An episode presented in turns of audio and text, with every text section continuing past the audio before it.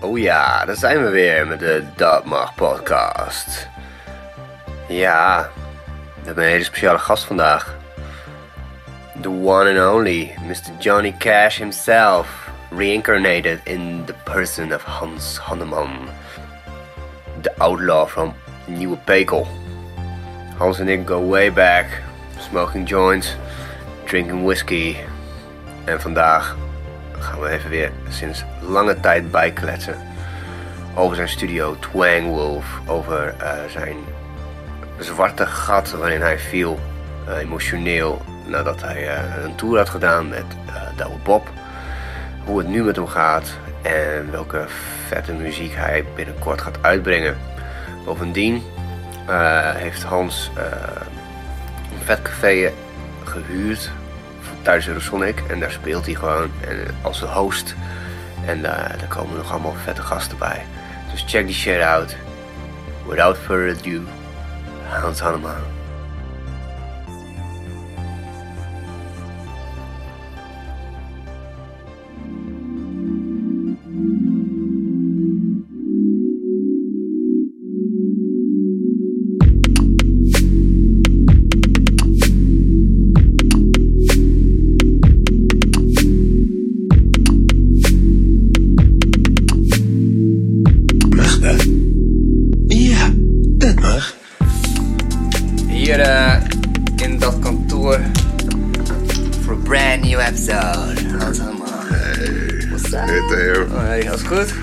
Zeker, zeker. Mooi om eh, even met jou hier te zitten. Dat is fucking lang geleden. Heel lang geleden, ja. Eurosonic hebben we nog even gepraat. Ja, maar dat we echt eh, een avondje zo hebben gehangen, dat Dat is echt, echt lang geleden. was echt lang geleden. Dat deden we vroeger altijd met volk- en zo. Met Jamil, ja. Ja, inderdaad. Fucking hell. Shout-out. Precies. ja, die gast zit nu bij, bij NIDA. Een politieke partij. Ja, ja, ik zag, hij was op Facebook altijd heel erg actief. Heel, eh, ja, heel politiek, heel eh, geëngageerd. Ja, klopt, ja. Ja. Ik kwam laatst onze oude eh sensei tegen van uh, Thai-boksen. En die kwam dan gelijk zo naar me toe. Zo van, hey Theo, Theo, Theo. Zie je Jamil nog wel eens? Ik zo, ja hoi, alles goed met jou, wel. Maar hij zei van, ja, ik zei je wel. Ja, want eh, het is in de, in de politiek, hè? Hij is echt eh groots bezig. Ik wist helemaal niet dat hij dat in zich had. Hij, eh, vroeger was hij veel meer eh, gewoon eh, ja, goede tijd hebben. Ja, goeie tijd. Daar mogen we niks zeggen over hem, over vroeger. Straks wordt het uh, nagecheckt. Ah, ja, krijg helemaal shit over. Ja, ja, ja. dat kan Hij natuurlijk. was een hele nette jongen. Hele Ja. nette jongen, Hele ja. nette jongen. Ik ga eens even kijken wat je hier voor me hebt meegenomen. Nou, ik denk er zelf al heel lang niet meer, maar ik dacht, eh hè? Nee? Nee, het past wel goed bij de outlaw. Waarom niet? Uitgespeeld. Ja, Nou, dat is klaar. tot klaar mee. Ja. Ja, ik probeer het iets minder te doen. of Door de week even niet meer. Ja, zoals nu. Ja, maar dat is mislukt. Maar in ieder geval op die dagen dat het, dat het zeg maar... Heerlijk. Dit is wel een van mijn favorieten. Ja? Ja, ja. Een maltje? Eh, Heel lekker, ja. Dankjewel, man. Alsjeblieft. Gaat wel lukken. Maar eh dan zie je straks natuurlijk echt zo'n niveauverschil tussen jou en mij die niet drinkt. Hans, eh, hoe zit dit dan? Eh, Ja, ik probeer die dagen dat ik eh, niet drink, zeg maar, dat, of de dagen dat het niet echt van je verwacht wordt. Dat je gewoon thuis bent en niks eh, doet. Om die dan eh, even over te slaan. Dat is een goed begin. Dat is absoluut ook goed. eh. Ja. Ben je, hoe- gaat het met je? Laten we daar maar even eh, beginnen. Ja, goed, goed. Ik, eh, ik ben eh, ja, druk bezig eigenlijk. Steeds met een soort, ja, eigenlijk investeren in, eh, in mezelf en alle dingen die ik doe. Dus ik was, eh, we waren laatst in Praag met de band. Vet. Dat was echt, echt geweldig. En voor de rest in de studio veel bezig. De opnamestudio die ik heb. En wel nieuwe spullen weer gekomen. Apparatuur, dat allemaal installeren. En een beetje zorgen dat er weer wat meer mensen toekomen. En ondertussen die optredens wat meer eh, proberen te krijgen. En eh radioshows veel gedaan en zo. Dus, Ik zag je op RTV Noord, over carnaval. ja. Wat de fuck was dat? Ja, dat was wel mooi. Ze hadden mij gevraagd als eh, tafelheer. Dus, dacht van, nou ja, dat moet natuurlijk gewoon... eh, ik ga er niet naartoe als het geen eh, mooie, mooie tv oplevert, zeg maar. Ja, ja. Dus het idee is dan eigenlijk dat je er zit en eigenlijk, ja, inhaakt op de dingen die gezegd worden. En, dus ja, dat- dan komt gewoon iets in je naar boven dat je denkt, nou oké, nu moet ik af en toe... Als ik iets kan zeggen, moet ik het ook maar doen. Ja, wat zei je nou? Ik ren, ik ren weg voor, voor van die lui van Ja, Prins Carnaval. ik had ze mafklappers genoemd. Ja, ja, ja. Maar dat is wel grappig. Vooral het camerawerk erbij, dat ik dat zeg. Dan, dat er op dat moment ook gesneden wordt. En dat je ze dan pas eigenlijk ziet. En carnavalsgasten. Dus dat was wel echt heel erg, eh, heel erg leuk. eh, eigenlijk, om te doen. Dus het was gewoon, ja, je zit er gewoon aan tafel met gewoon gast. Ja, mooi. mooi. Ja. Mooi dat je er ook voor vragen. Want eh, Ja, ik, ik, e- even, even rewinden, want wij hebben elkaar dus echt, echt lang niet zo gesproken. Zeg. Nee. Eh, de laatste keer dat je volgens mij sprak was ergens... Ik had jou geboekt toen ik zelf nog hier avondjes organiseerde in Simplon. oh Weet je ja. nog, met Sascha Eliza, dat Ja. avondje. Ja, Singer-songwriter. Eh, akoestisch gespeeld, ja. Ja, voor Kratje Pils. Ja, ja mooi. Ja, en toen... eh, ja, hoe is het vanaf daar gegaan eigenlijk? Ja, ja dat is, het is eigenlijk wel heel maf gelopen. Volgens mij, ik heb toen aan die, hier in Groningen aan die eh, Talent Award meegedaan. Volgens mij, ik was toen, dat is denk ik zo'n vier jaar geleden of zo. En toen, toen was het een beetje, ik had natuurlijk de opnamestudio en dat is wat ik deed. En voor de rest stond ik achter de bar en eh, mensen kenden me ook wel als muzikant. En eh, liedjes schrijven. En ik had natuurlijk ook, ik had ook een band van allemaal jongens die ver weg woonden. En eh, heel af en toe speelden we dan. Dus dan stonden we ergens in een kroeg. En dan was het of een keer in Deventer of een keer hier. Maar dat was echt zo weinig. En dat was altijd moeilijk te regelen. Je wist niet hoe, ja, ik wist in ieder geval niet hoe je dat dan moest aanpakken. Om echt een keer voor te gaan. Ik had een plaat al heel lang half op de planken liggen. En dan steeds weer dingen opnieuw doen. En, eh, dus het was echt zo'n eindeloos eh, verhaal. En toen heb ik op een gegeven moment. eh, ja, ik weet nog hoe dat, hoe dat ging. Ik had een, dat was even een soort zijtak, maar ik had een boot. En ik ben die, ik ben die boot gaan, eh, gaan opknappen. Ja. Want dat was een boot die ik vroeger met mijn vader eh, gebouwd had, eigenlijk. En die, nou, die was een keer vernield door allemaal lui en zo. En toen is hij achter in de tuin bij mijn vader terechtgekomen. En opeens eh, groeiden daar de planten uit en, eh, en alles. En eh, heeft er vier jaar gelegen. En toen opeens zag mijn, mijn vriendin, toen die zag, zag die boot liggen. En die zei van, we gaan dat ding, gaan dat ding opknappen. Ik zei, ja, eigenlijk wel gelijk. Maar ik, had hem, ik blokte hem al, zeg maar. Ik dacht van ja, dat is veel te pijnlijk, man, dat ding. Dat. Maar ja, eh, nou ja, toen dacht ik van ja, we moeten we gewoon maar doen. Dus heb ik in die zomer vier maanden lang echt eh, obsessief aan dat ding gewerkt. Gewoon elk moment dat ik vrij eh, had, ging ik daarheen en ging ik aan het ding werken. En eh, na vier maanden was het echt een hele mooie boot. Met allemaal hout, helemaal goed in de lak en alles vernieuwd. En, en ja, dat ding heb ik nu nog steeds. En elk jaar doe ik er weer wat nieuws aan hoor. Maar in ieder geval, het was zo'n zeg maar, positieve obsessie op dat moment. Zo fijn om echt, echt ergens heel erg voor te gaan en mee bezig te zijn. En eh, toen was het afgelopen en toen begon de herfst. En toen dacht ik van ja, waar moet ik nou heen met mijn, met mijn obsessie? en toen dacht ik van, nou ja, weet je, dit is me gelukt. En ik loop al jarenlang te klooien met die, met die muziek... eh, eh, carrière die ik eigenlijk ambieer, maar die ik, ik nooit echt, blijkbaar nooit echt voor ga. In mijn hoofd wel. Ik schreef die liedjes en alles, dat was allemaal wel, weet je. Maar dat echt het praktische gedeelte van het echt gaan doen. En eh, toen, eh, toen dacht ik van, nou, dan wordt dat het ding. Dan ga ik nu gewoon zorgen dat die plaat once for all afkomt. En toen, eh, dat heb ik toen gedaan. Het heeft echt nog, nog anderhalf jaar geduurd of zo voordat hij er echt lag. Maar in ieder geval was het van, nou, ik ben nu, eh, nu ben ik los. En eh, toen hebben we aan die, aan die eh, Talent Award meegedaan met de band. Toen kwamen we in de finale. Hebben we niet gewonnen, want we waren, we waren al te ver. zo van, we hadden het niet nodig.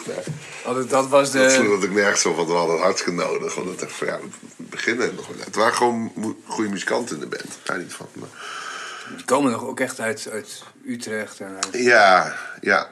En het, het was toen nog best wel wisselend met invallers en, en zo. En uiteindelijk is het een, een nieuwe band geworden. Want toen, nou ja, toen stonden we in die finale uiteindelijk. En toen kwam dus ook dat we bij eh Grunsonic eh, konden spelen. En dus Eurosonic konden pakken. En toen, eh, ja, toen begonnen we van daaruit zo te bouwen. Toen wou ik wat videoclips maken. Toen kwam ik Bert Alberts tegen. Die ken je misschien ook wel hier, film uit de stad. Ja, sowieso in je stukjes noem ik hem altijd. Dus, eh, Ja, ja, die heeft toen, eh, toen eh, wat videoclips voor gemaakt. Die, jullie hebben daar nog eh, toffe stukjes toen over geschreven. Rodeo Clown was de Ja. eerste, ja. Ja, Rodeo Clown, dat was de allereerste. Die gooide ik eruit. Nou, die zag Douwe Bob. Omdat de, nou, de gitarist, de producer van mijn platen... met wie ik echt die plaat echt gemaakt heb... daar speelt hij bij in de band. En eh, zodoende die zag het. En, die, Douwe Bob vond het helemaal te gek. En die eh, was met Eurosonic hier. En wij speelden dan een paar keer met Gunsonic. eh, en, en, Bert Alberts ging mij toen managen. En die ging proberen het verder te krijgen. En toen zag hij het. Toen kon we het voorprogramma doen. Voor de hele tour. Toen kwam die tour. En toen, nou, en toen, eh, toen hebben we een, een eh, 14 shows, de alle grote zalen, met, eh, met hem gedaan. En nou, toen kwam ik de wereld door. Toen kwam ik bij Radio 2. En ja, toen is het eigenlijk... Echt gekickstart eigenlijk. ja. En ja, het mooie is dat, dat het vroeger altijd iets was wat ik wel eens probeerde. En dan was het echt zo, nou, ik stuur allemaal e-mailtjes naar zalen en hoop dat ik iets terugkrijg. En dat werkt gewoon niet of zo. Dus Nee, dat klopt. Ik heb, dat ook, Ja. eh, ik heb wel eens voor lui gemanaged of zo. En dan, ja, dan denk je, dan doe je dat gewoon. Ja, en iedereen begint er vol goede moed aan en zegt, ja, maar dan moet je nabellen. En, ja, dan maar dat we- is zo'n moeilijk proces. En iedereen die je belt wil eigenlijk niet dat jij hem belt. Je zegt van, kun je me morgen bellen? Ik zeg dat je me in een tuin met de kinderen. Oké. Ja. Dat heb ik ook wel eens gehad. Van, ja, ik heb vandaag mijn vrije dag. Ja, dat soort dingen. En, eh, ja, en waar gaat het over? En dit en dat. En stuur maar een e-mail en dan krijg je nooit een antwoord. Dus dat is echt hoe het gaat. En vooral bij zalen dat is ook heel logisch. Want, eh, want, want ze hebben ook een... Ja, helemaal in het begin dan ben je heel naïef. En dan denk je echt van, nou, ik, ik stuur een e-mail naar eh, Paradiso. Misschien kunnen we er staan. Of, weet je. Maar ja, de grap is natuurlijk van... eh, ze moeten die zaal vol krijgen. Dus dat is ook... En als ze een pro- voorprogramma neerzetten... Dat kan twee kanten op. Of een artiest vindt jou tof. Zoals in jouw geval. Ja, zoals in mijn geval, precies. En dan zegt hij van, hey, ik wil mee, want dan kan ik deze artiest een kickstart geven. Of een zaal zegt van, hey, ja, welk, welk voorprogramma kunnen we er neerzetten... wat mensen ook leuk vinden... wat misschien nog mensen over de streep haalt... om ook er naartoe te gaan. Of een soort lo- local hero... die sowieso al misschien zelf al 20 of 30 kaartjes verkoopt Ja, precies. of zo. Dus dat is een beetje, eh, ja, ja dat, dus dat, dat, dat was heel moeilijk. Maar de, de- dus de grap is, je moet het, maar je moet het wel gaan doen. Dus dat is een soort moeilijk. Maar je hebt gewoon heel veel mazzel gehad met die Douwe Bob-connectie. Maar hoe, denk je dat het anders gewoon nog steeds in die in de modder Ja. was had gezeten? Ja, eh, nou, ik denk, het, het was wel, het, het, het zorgde er wel voor dat het veel sneller ging. Ja. Dus het was even zo aan het stijgen. Maar de grap was, het was niet helemaal uit het niks. Want het was al even een tijdje. Ik had dat nummer eruit gegooid.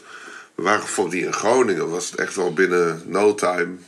Al een, nou, was het... Ja, je, je, je was er in één keer, dat weet ik, dat weet ik nog wel. Ja. Op een bevrijdingsfestival ook gewoon vol, vol veld, weet je wel. Ja, ja. pas in één keer was Ja, het er. ja. En, het, en dat was het. En we konden op, op Eurosonic hadden we eh, ook in Plato Sonic hadden we hadden we een show. En Gunsonic dan drie, op, volgens mij speelde ik zes keer of zo. Dus, dat, dus het was ook wel. Het, het baste even of zo. Het was Ja. even wel. En, en aan de hand daarvan kwam opeens daarop op. En toen werd het opeens dat het ook op, op andere plekken makkelijk ging. Maar ja, dan nog, weet je. Het is eigenlijk toen. In het begin ging het heel hard. En nu gaat het gewoon, eh, gewoon gestaag. En dan zit je eigenlijk nog steeds tegen een soort plafond te, te schoppen, zeg maar. Want het is niet... eh, Ja, want dat wilde ik je nog vragen van, hoe zit het dan nu, nu die tour voorbij is? Ja, nou ja, die tour die, het was 2016 en het is nu 2018, bijna 2019. Dus daar heeft een jaar tussen gezeten. En dat jaar was, dat was echt, ja, dat was wel heel confronterend, omdat het, eh, eh, die, ik voelde ook dat dat er kwam, zeg maar. Want Dat ging de hele tijd. Je begint echt met niks en alles wat je krijgt is dan gewoon leuk. Zo van, en, dus die eerst was altijd naast een keer in de kroeg te spelen in je eentje met tegen, tegen drie man. En denk ik van hoe, kan ik, hoe krijg ik het ooit voor elkaar om, om mensen naar mijn show te krijgen? En, en toen kwam dat en alles. Toen bouwde het op en toen kwam die tour. En dan had je opeens volle uitverkochte zalen waar je eh, voor stond. En aandacht en wereldwijd door. En, eh, Screaming chickies, slipjes op podium. allemaal dat soort dingen. en, maar ja, toen, toen was het afgelopen. En ik weet nog die laatste in Utrecht. Dat ik zo, ja, shit, nu, eh, nu moet het maar blijken. Maar dan is het ook rond kersttijd. En dan gebeurt er sowieso heel weinig. En daarna, ik had een, nou, ik, ik had een boeker die had eh, gewoon veel te weinig gedaan, wat mij betreft.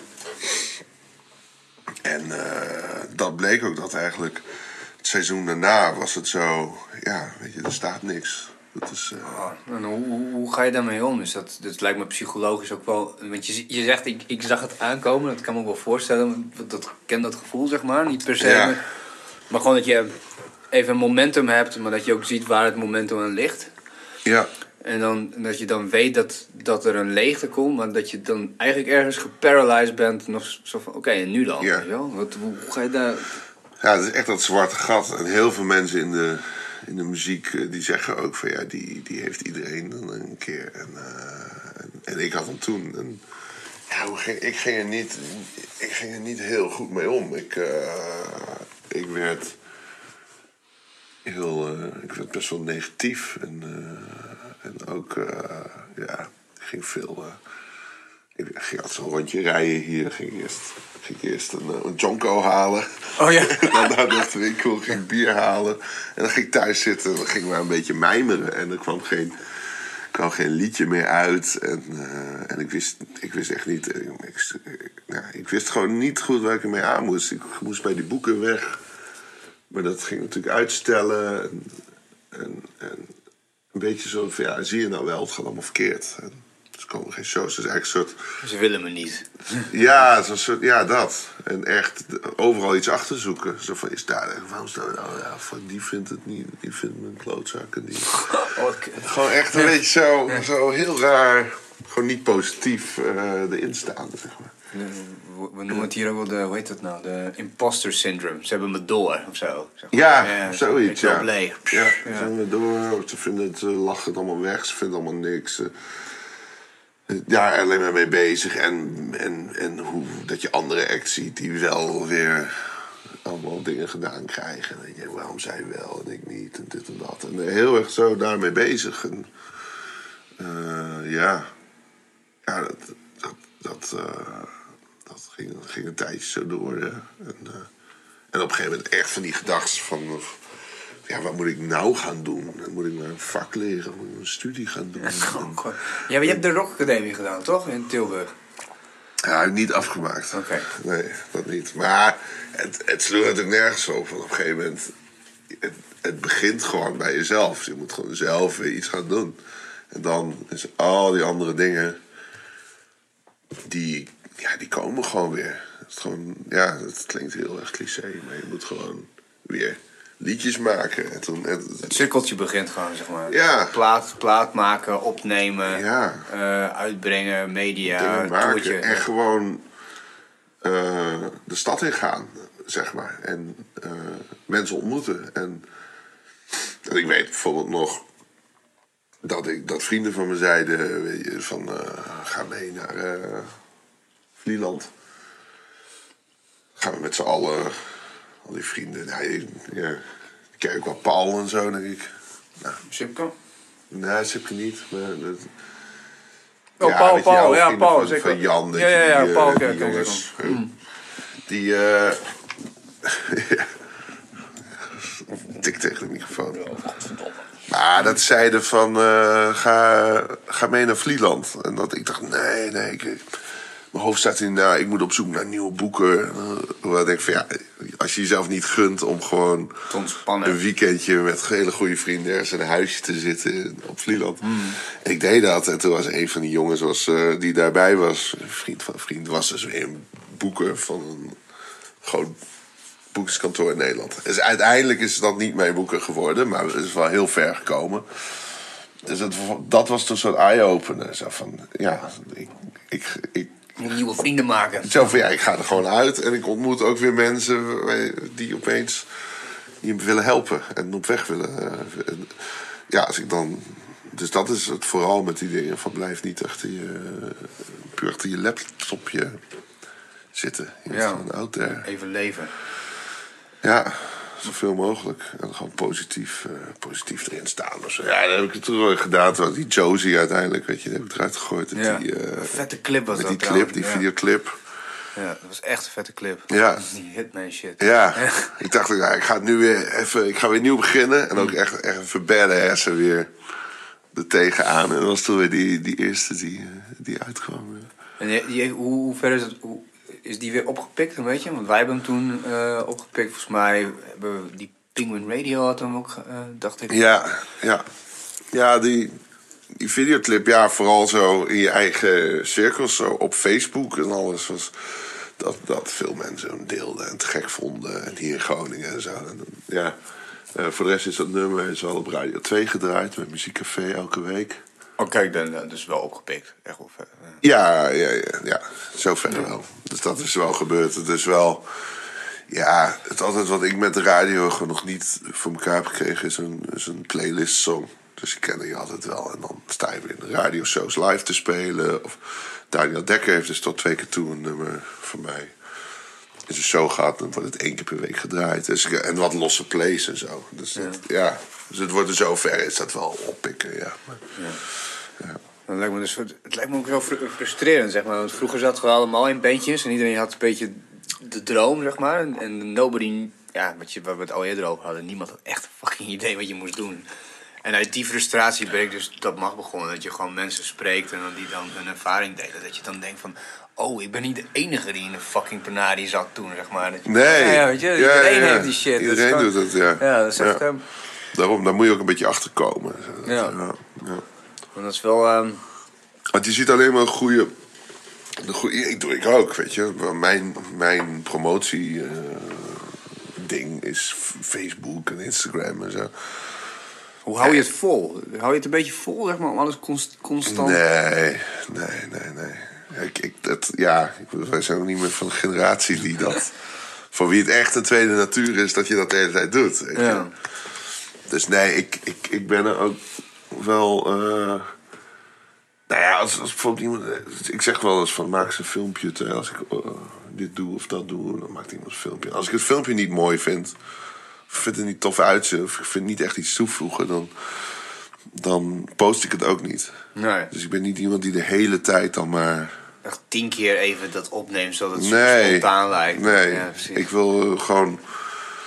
Ja, ik wil die dingen die ik uitbreng... al is het gewoon een, een klein filmpje of dit... dat het in ieder geval wel... Dat, als ik, ik het zelf zou zien, dat ik de- zou denken van... Ah, leuk. Nice. Of zo, ja. Een beetje meer die toch wat, wat ouderwetsere manier van... eh, gewoon kwaliteit willen, willen leveren of zo. Het is echt niet meer van deze tijd hoor. Dus Nee. Dat is, ik had eh, in het vorige seizoen eh, een vriend van mij, die is fashionfotograaf. En die vertelde zo van... Ja, weet je, ik kan nu echt niet meer aankomen met... Hoi, ik ben Stefan, eh, ik ben eh fashionfotograaf. Dan kijk ik ze hier zo aan, nou heb je er weer een. Ik ben content create manager of zo. Ja, ja, ja. Weet je, zo Ja, van, jij ja. hebt een product en ik wil dat jij unlimited content hebt, zeg maar. Ja, Het is echt zo. De hele, ja, helemaal de hele dat, wereld is veranderd wat dat betreft. Denk wel een beetje als opa's. Maar dat Ja, klopt, klopt. Maar er is iets zo van, nou ja, ik heb nu een EP'tje uitgebracht, bijvoorbeeld met liedjes die ik zo live heb eh, opgenomen. ja, vertel daar eens wat over. Want ik vind het wel, ik vind het wel een vet verhaal. Want je, is, je, je hebt een tijdje in Dublin gewoond. Ja, ja dat is eh, onderhand alweer nou, bijna tien jaar geleden of zo. Of al meer dan tien jaar geleden. misschien. Was het een soort van eh, vlucht iets? Zo van, ik heb mijn academie niet afgemaakt, fuck it, ik ga Ja, weet je wel, ja. Iets anders. Het was zo'n droom, een jongensdroomachtig ding. En, en natuurlijk heel goed geweest ook wel voor, eh, voor de lyrics, weet je, voor je Engels en al die dingen. En, dus het heeft me heel veel gebracht. En ik, ja, ik woonde daar en ik, studeerde daar dan ook. Helemaal aan de andere kant van de stad. Ik had het qua wonen niet zo slim eh, uitgezocht. En eh, zat toen in Dublin en eh, ja, zocht werk. En uiteindelijk kon ik dan ook terecht als, als barpianist. In de Viper Room heette dat. Dat was een soort nachtclub. Beetje chic wel. En echt wel mooie vrouwen zo s'avonds kwamen. Een beetje op zoek naar een rijke man en zo. En, dan, eh, en eh, ik zat er dan gewoon die, die jazz te spelen. En, en ja, het ding was ook van, van Johnny Depp of zo. Hij was de, de eigenaar Oh, really? van dat ding. Ja. Goeie wife-beater. Hij, is, ja, hij zijn eigen wc te hebben ergens boven. Dat was van Johnny Depp. Oh, cool. Ik heb hem daar overigens nooit gezien. Maar Een goede investering waarschijnlijk. ja, grap was wel dat ik, dat ik eh, echt veel later... Nou ja, wanneer, wanneer was dat? Ik, het was, dit was 2004. Nou ja, ergens in 2011 of zo was ik een keer eh, in uh, Gran Canaria. Ja. En toen, eh, toen kwam ik een, eh, een Iers stel tegen. Die zat in het hostel waar ik ook zat. Ik kwam uit Dublin en die kende mij nog. No tijd. way. ja. Hey, dit is de dude. ja, precies. Hey, hij was die, eh, die Tom Waits-achtige gast die daar zo... Ja, Maar jij bent natuurlijk ook... Me ja, hoe lang ben jij? Twee meter of zo? ja, twee meter twee. Ja, dat is sick. Dat is voor, vooral voor fucking Ieren die, die Ja, ja, ja, die zijn, allemaal weet super klein, dus die, ja, die weten dat nog. Maar dat was wel, zo mooi. Dus die tijd is mij altijd wel bijgebleven. Dat was wel echt een mooie, mooie tijd. En toen, eh, toen hebben we daar, ja, toen, toen dacht ik, dus nu van, nou, ik wil weer iets nieuws uitbrengen. En ik was veel naar Frank Sinatra aan het luisteren. En toen kwam het een beetje boven. Van toen deed ik dat ook veel. En toen schreef ik ook echt een beetje van die soort jazz-standard-achtige eh, liedjes. Wat later weer ja, wat minder paste bij wat ik deed of zo, of zo. Nou, voor mij wel. Want voor mij is het allemaal klassieke Amerikaanse muziek, weet je. En voor mij heeft het allemaal eh, een, een plek. En, eh, maar ze kwamen niet op mijn vorige plaat. En toen dacht ik, eh, ik heb die dingen. Laat ik het gewoon eh, filmen. In de studio met vleugel. Vaak de band erbij, ook mijn oude bandje van die jongens met wie ik die plaat ook heb opgenomen. En wie ik daarna heel veel heb gespeeld in Nederland. Of heel veel, maar dat we gingen spelen af en toe. En eh, ja, zodoende. En eh, Andres uh, Fassé gevraagd om het te filmen. En Oh ja. echt een soort, ja, kind of Blue Miles Davis-achtig sfeertje neer te zetten met rook. En Zwart-wit. over de top eh, Hollywood, klassiek Hollywood ding weer. Ja, dat zag echt heel nice uit. Vet Ja, ja, gewoon die studio is sowieso vet. Dan moeten we, Ja, dat, ik herinner me nog een keer dat, we, dat, dat, dat ik op straat liep en toen kwam ik jou tegen. En toen zei je, joh, we hadden we ook elkaar ook weer vet lang niet gezien. Hoe is het? Had je net zo'n map bij je en zei je van, nou, ik kom net van de bank. En ik heb, eh, ik heb, een, eh, ik heb geld gekregen om een studio te bouwen, zeg maar. Ik heb plannen van aanpak hier en bla bla. Oh, ja, ja, ja. Dat was een, eh, dat was een, een microkrediet, ja. Ja. Dus uiteindelijk heb je dat niet gekregen, trouwens. Oh, Ja. misschien, misschien ging je naar de bank zo ik, van... ging, ik ging daar iets mee doen, ja. Ik ging dat proberen te fixen.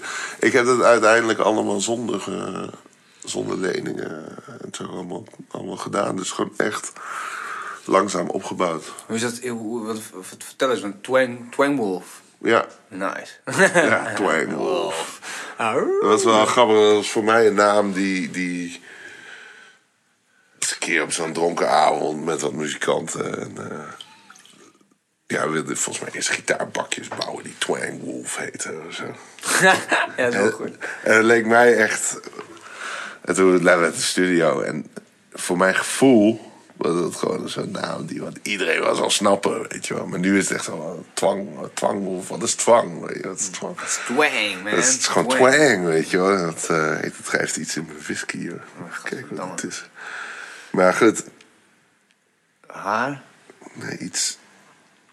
Nee, ik drink het gewoon op. Hij is vast wel dood, dat is alcohol. Ja. dood gedronken. maar ja, toen werd het dus Twang. Twang Wolf. En eh, ja, ja, dat is wel een, dat is wel een plek. Het is, het is eigenlijk constant in, in opbouw.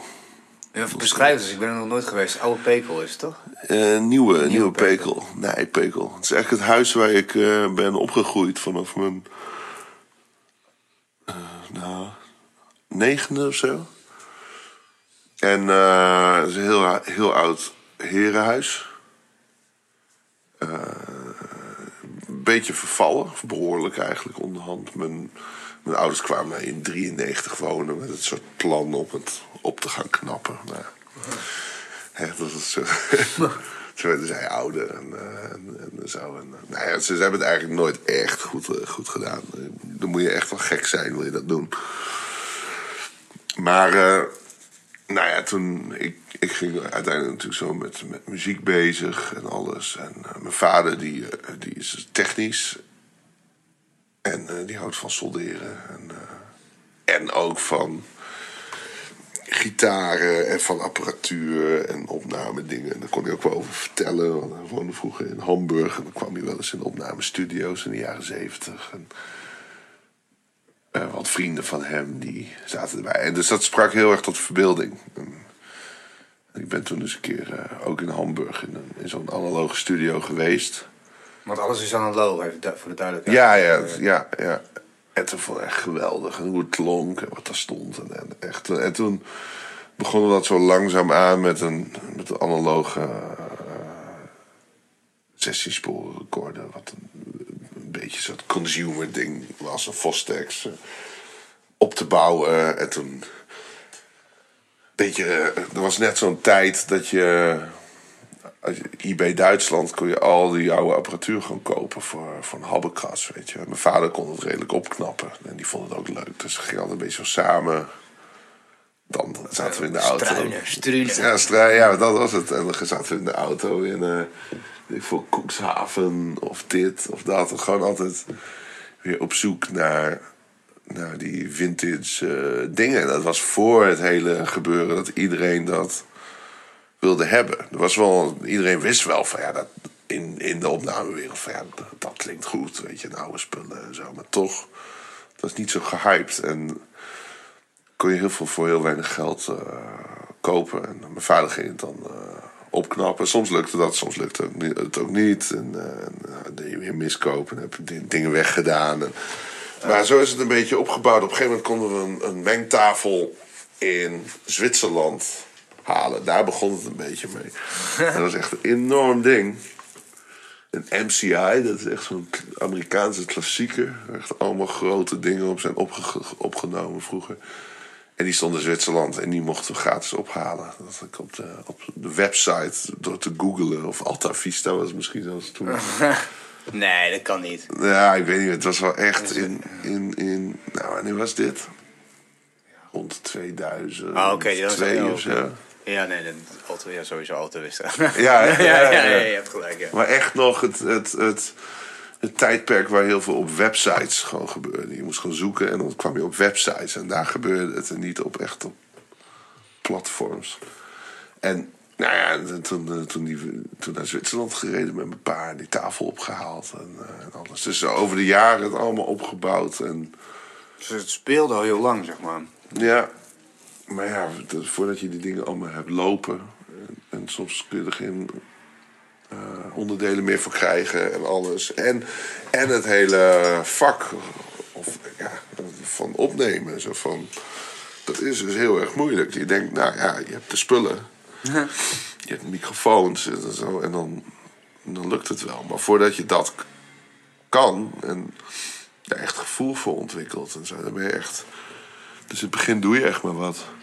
Ja, ik bedoel, eh, di- dit al, hè, dit, dit podcast eh, dingetje. Ja, Jezus Christus, dat, dat, dat is nog steeds een challenge. Gewoon een beetje helder geluid en zo. ja, dat is ook zo. Ja, ja. fuck. Dus ik had het echt niet verwacht. Ik dacht van, nou, telefoon of zo. Je doet wel even. Ja, ja. Nee, het is echt... Die, al die microfoons die zijn er wel. Maar dan, ligt het, dan is het aan jou om, om te kijken van... Hé, hey, waar zet je het neer? Weet je, zet je zo gewoon dichtbij? Of, eh, Ja, een doe je, of wil je dit? Ja. Weet je? En hoe, hoe combineert het met alle andere dingen? Dus je bent echt aan het...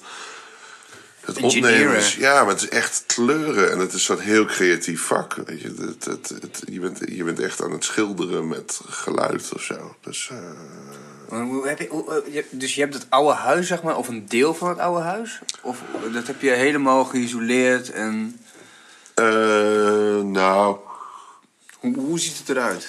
Het is, het is gewoon een heel groot oud herenhuis. En daar heb je zeg maar één, wat dan vroeger zo de ontvangstkamer was. Dus de, zo de statige, mooie, chique kamer. Dat is de opnamekamer geworden. Dus die heeft nog helemaal die sfeer met oude, oude ramen en van die engeltjes in het plafondachtige eh, dingen. Weet je, echt die soort 19e eeuwse bouwstijl van... eh, wat je in Oost-Groningen had. Echt had, die herenboeren, weet je. En daar, is, daar staat dan een vleugel in, en een drumkitje en alles. En eh, dat, dat is zo de, het hart van het, eh, of de, de opnameruimte. Het klinkt heel mooi, die ruimte. Redelijk hoog. Is, nou, voor studio valt het mee, maar het vier meter hoog. En, eh, en er parketvloer in en alles. En dat hebben we dan zo, nou, met ja, een beetje opgehoor en een beetje lezen erover. Wel met akoestische schotten. Wat, in, eh, ja, wat nog weten te beïnvloeden. En dan is aan de andere kant de helft van die ruimte, maar die ziet er ook een beetje zo uit. eh, en dat is de, control room. En daar staat de mengtafel. En, eh, voor de rest is het gewoon, ja, het speelt zich allemaal in dat huis af. Dus het is niet helemaal naar buiten toe geïsoleerd en zo. Maar het is vrijstaand. En, eh, dus niemand heeft echt eh, Last van. last van. Ja. We moeten een beetje op de buren letten soms na een bepaald tijdstip. Maar ja, voor de rest is het eh, iets van zes slaapkamers boven. Dus je kan ook echt met een, een band hebben Ja. die daar gewoon pit en dan daar Ja. gewoon een week zit of zo. Precies, ik had een keer een band uit eh, Korea. Oh, vet. Hoe kwamen ze bij jou?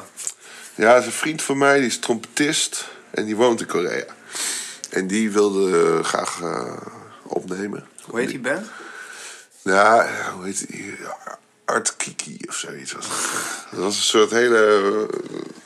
eh, Nou, ik zou wel zeggen vaag, maar dat is best wel begrijpelijk. Dat was echt een soort westerse jazz gecombineerd met eh, instrumenten van daar en zo. Het, nou, dat hebben ze toen gedaan. En, en, en, en toen zaten ze in die studio een, eh, een vijf dagen of een week of zo. Ja, dat was wel heel erg grappig. Uiteindelijk ging ze dan... Want ze, ze maken steeds hun eigen eten. En, dan, en, dan- en uiteindelijk de laatste dag was van... Ja, weet je, een beetje haast. En uh, is hier niet wat. Ik zei, ja, er is hier alleen een Chinees. Uh, hij zei, wow, oh, Chinezen. Maar zij dachten natuurlijk, ja... Echt Chinees. hè? Ja, en ik dacht van, oké... ja, dat gaan ze natuurlijk helemaal niet lekker vinden, joh, die Hollandse Chinezen. Dat, dat ze denken nu dat ze gewoon Chinees eten krijgen. Ja. Dat ze daar min of meer eh, in de buurt vandaan komen.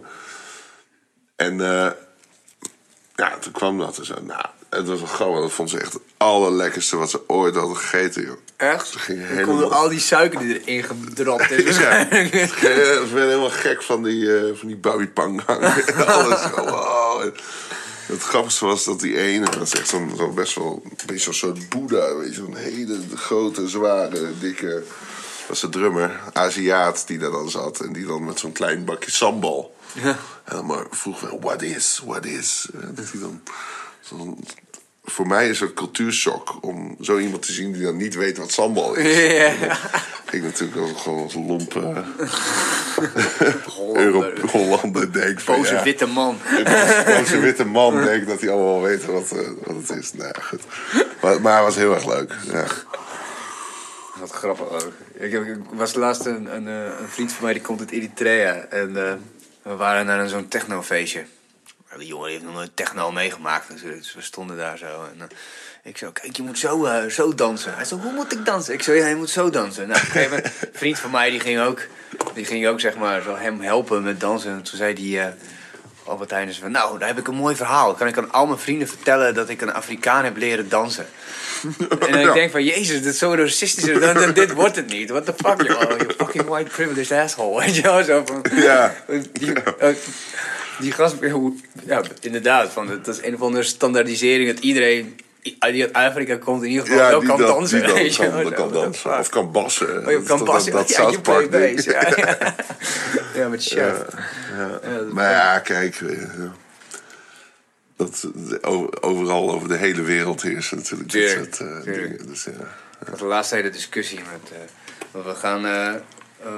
Onze stagiair Mirna, die, ehm, die heeft een hele vette serie is er nu aan het maken over feminisme en over vrouwelijkheid. Oh ja. Dus en ze is het zelf ook een beetje aan het ontdekken. Zo van, ehm, Haar feminisme of haar vrouwelijkheid? nou, nee, dat, het hele concept, zeg maar. Want ze kwam er zelf mee aan. Ze zei ik wil iets doen met eh, vrouwen, vrouw zijn, vrouwelijkheid. Ik zei van, ja, het heet gewoon feminisme. Dus alles een beetje zwaar beladen. Ik zei, nou, in deze, Oh ja. in deze tijd niet meer, weet je. Het is gewoon een hele nieuwe, nieuwe wave, Nee, ja, zeg ja, maar. ja. Dat mag je best wel zo benoemen. Dus, Maar eigenlijk is dat ook technisch toch zo? Ze zegt ik van bezig met ja. mevrouw zijn. Wat is, of, dat, is- dat is een soort feminisme. Ja. Dat is het hoeft het niet meteen een militant te zijn. Of zo. Nee, nee, nee, maar het is het wel, zeg maar. Dus gelijkheid. Uiteindelijk komt het altijd neer, zeg maar, op gelijke rechten. zeg maar. Ja. En, eh, en zodoende hebben we uiteindelijk ook eh, we hebben een bodybuildster. We hebben een, eh, zo'n zo, zo'n vrouw die ondernemer is en die allemaal ook decor maakt. Leeuwarden, Ja. volgens mij. En Sniper. een sniper inderdaad. Ninja. Female assassin. Female ninja assassin, ja. en, eh, en, en Sylvana Simons, die staat ook op het programma, zeg maar. Dus, Ah, eh, oké. Dus eh, Die, die, die, die komt hier naartoe dan? Nee, we gaan, eh, als, het, als het doorgaat, dan gaan we naar, naar haar toe. Ja. Dat is gewoon wel eh, dat, dat ik tegen Mirna zei van ja, dat is, wel, dat is echt vet, jongen. Dan, eh, dan kun je in één keer met iemand praten die super wel bespraakt is. En eh, Ja. gewoon, nou ja, die, die gaat jou echt even de- gewoon vertellen hoe, Ja, hoe het zit, zeg maar. Heel, fel iemand natuurlijk. Ja. Ja, als het over racisme gaat, ik denk feminisme, dat is dan wel gewoon lekker, lekker heel helder voor haar op een rijtje zet. Ja, dat zou goed kunnen, ja. ja. Maar goed, dat is wel, dat is wel weer zo'n ding. Maar waarom, waarom kwamen we hier, hoe kwamen we hierop? Nou, Ja, die Aziaten, we hadden het over Aziaten. Aziaten, ja. Snel, Godverdomme, eh, mijn pa zit in Azië een jaar nu. Oh ja? Ja, die geeft dan les. Aan de, aan de, aan de universiteit in... Nou, hoe heet het nou weer? Cool. Ja, een of andere universiteit. Je hebt heel Guanlan, volgens mij was het. Maar ja, goed, dat zeg je ook geen Welk land is dat? Eh, China. veel. Dat is zeg maar dat Ja, joh, je hebt 30, zo- miljoen, 30 miljoen mensen wonen bizar, je hebt er echt steden waar je... Dus gewoon, ik, zei, ik zei tegen hem, je, je, groter dan heel Nederland. Je doet mijn broertje toch wel even op een, eh, ehm, hoe heet het, op een eh, international school, weet je? Hij zo, Je broertjes mee. ja. Ja ik, twee, ik heb een broertje van vier, Echt? tweede leg. Cool. Ja, maar ehm, ik zeg van, je doet hem toch wel even op een international school, weet je? En hij zo van, eh, ja, ik heb het wel even uitgezocht, maar eh, ja, 30, eh 30, mi- dat is een 30 miljoen eh, inwoners stad. Dus waar wij zitten is het nog drie uur naar de, naar de international school. Fuck. Oh, man. man. ja, Ik kan me fuck, helemaal niks meer voorstellen. Nee, daar kun je echt niks meer voorstellen. Oh, ja. Ik bedoel, Amsterdam voel- vind ik eigenlijk al onoverzichtelijk, zeg maar. Ja, ja, ja daarom. Ja, nee, dan zitten we hier wel, eh, wel goed eigenlijk. Ja, Groningen. Ik weet niet, hoe zit jij ermee? Want ik heb wel eens de discussie gevoerd van... Stel dat je de kans krijgt en weet je, met ons beroep, jij bent muzikant, ik Ja. zou schrijven, het- je kan het overal doen, weet je. Ja, Ik denk is het wel eens tot- oké, ik zou wel naar Krakau willen of zo, of naar Berlijn, of weet ik veel. Maar uiteindelijk denk ik dat ik toch altijd weer terug hier lekker in Ja. Groningen kom. Want dat is Ja. gewoon fijn, weet je. ja. ja ik, het, het is een beetje van twee dingen. Van zou ik naar het buitenland gaan? Ja, voor een muziekcarrière als er een kans ligt, zou ik het wel doen, zeg maar. Dus dat is een beetje een kip-en-ei verhaal. Wat ga je eerst doen? Ga je eerst naar het buitenland? Wat ga je dan doen? Of... En ik denk van, nou, er moet, er moet een soort goed plan liggen. Nu ben ik wel een beetje bezig met het, eh, met het buitenland ding sinds Praag en zo. Zo van, nou, speelt het wel. Wel echt te gek om gewoon het, het landschap te zien veranderen. En alle dingen. En, eh, Gezichten, dat soort ja. Ja.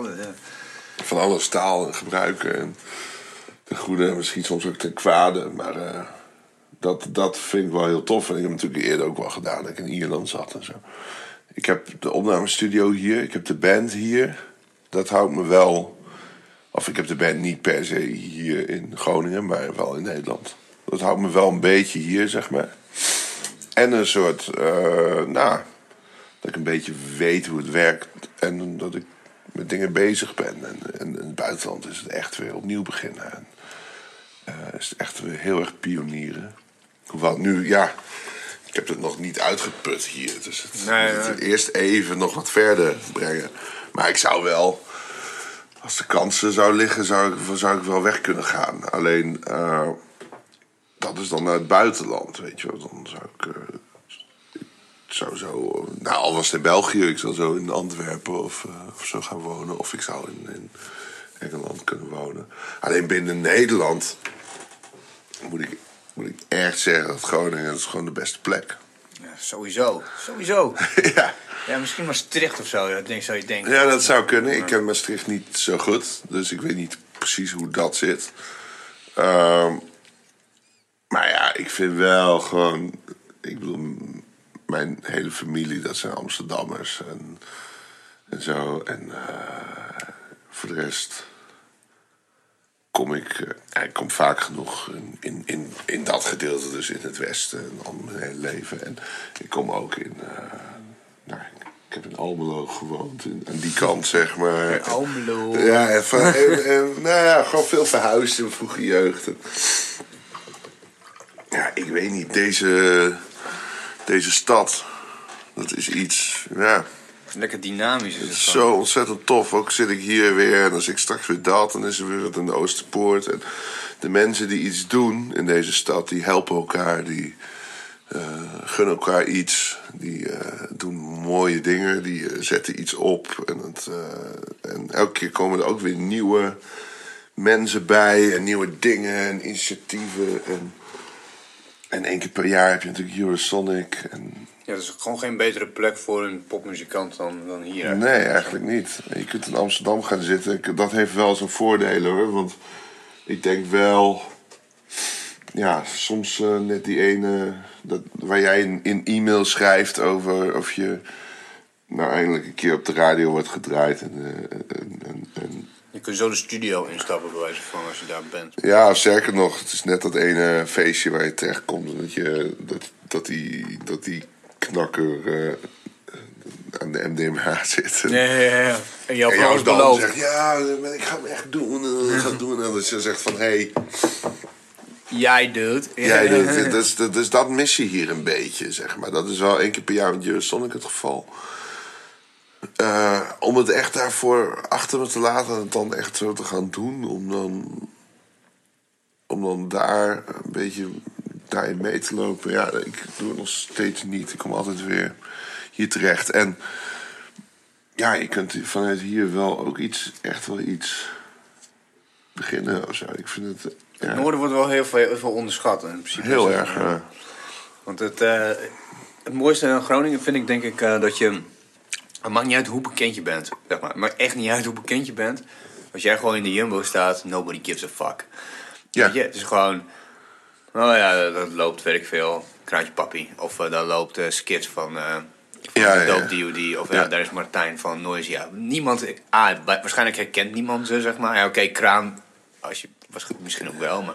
Zou kunnen, Zou ja. kunnen, maar ik bedoel, dat is niet iets dat mensen starstruck zijn, zo weet je wel. Nee. Wow. Helemaal niet. Terwijl dat echt dikke vette bossen zijn die dan gewoon, Ja, gewoon in, vooral, nou ja goed, Dope DOD dan in Oost-Europa heel veel uh, Ja, uitverkochte stadions.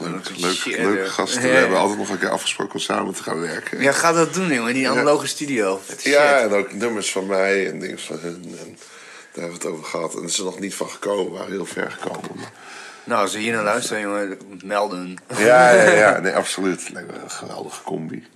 Maar dat, dat is waar. Het is... eh, Ja, en gewoon dat hele ding. Je, de mensen zijn leuk, de mensen zijn intelligent.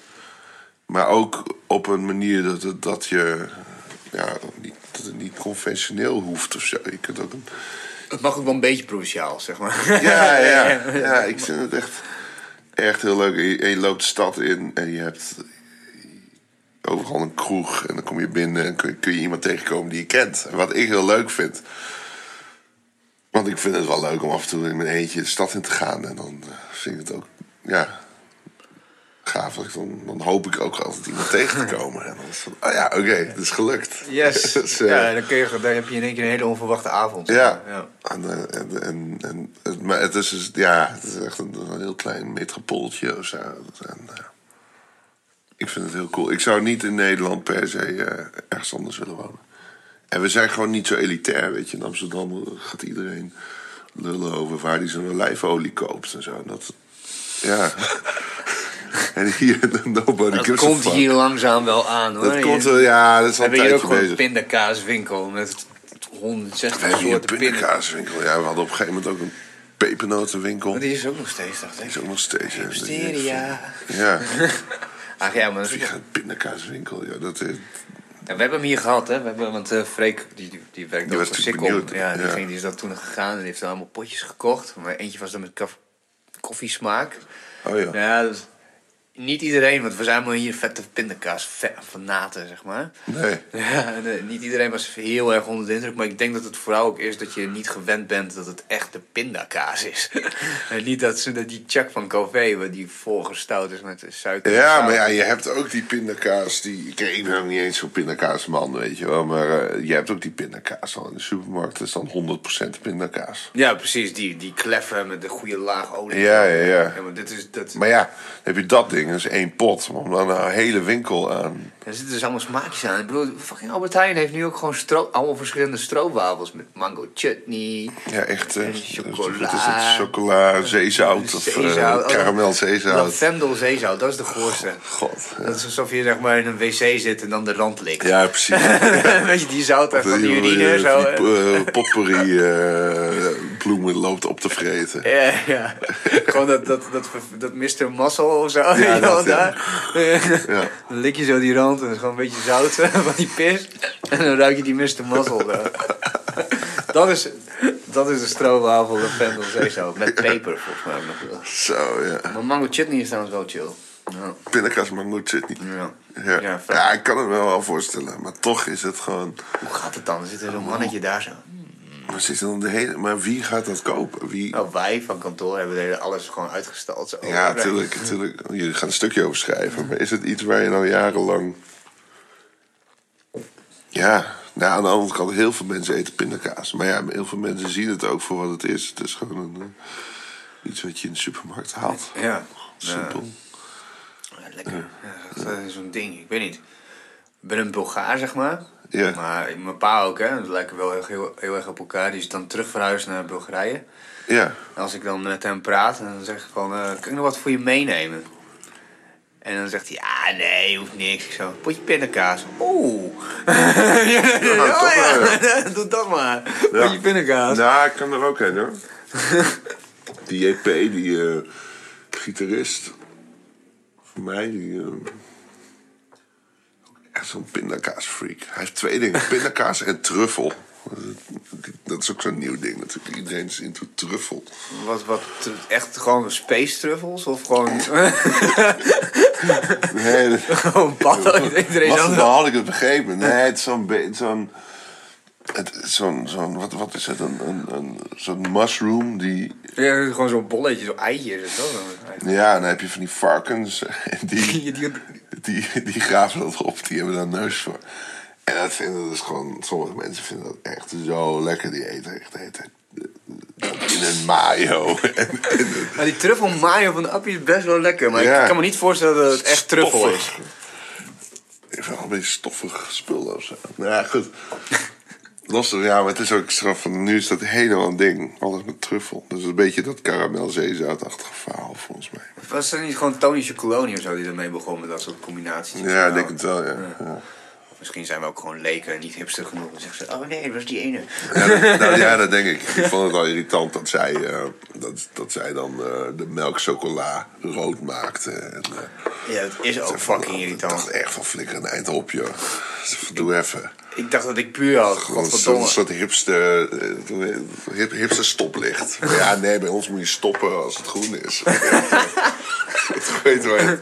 Het is goed om dingen te standaardiseren, weet je. En, eh, ja. en dan hadden ze dat de stukken dan niet even even groot waren als het afbrak, omdat de wereld ook niet Gelijk eerlijk is. verdeeld is of zo. Van ja, oké, nee, bedankt voor je. Dat je, dat je de wereld een stuk beter maakt met je, Met je 3 euro reep. ja, met die reep of zo. Ja. Ik snap hem niet helemaal, maar goed.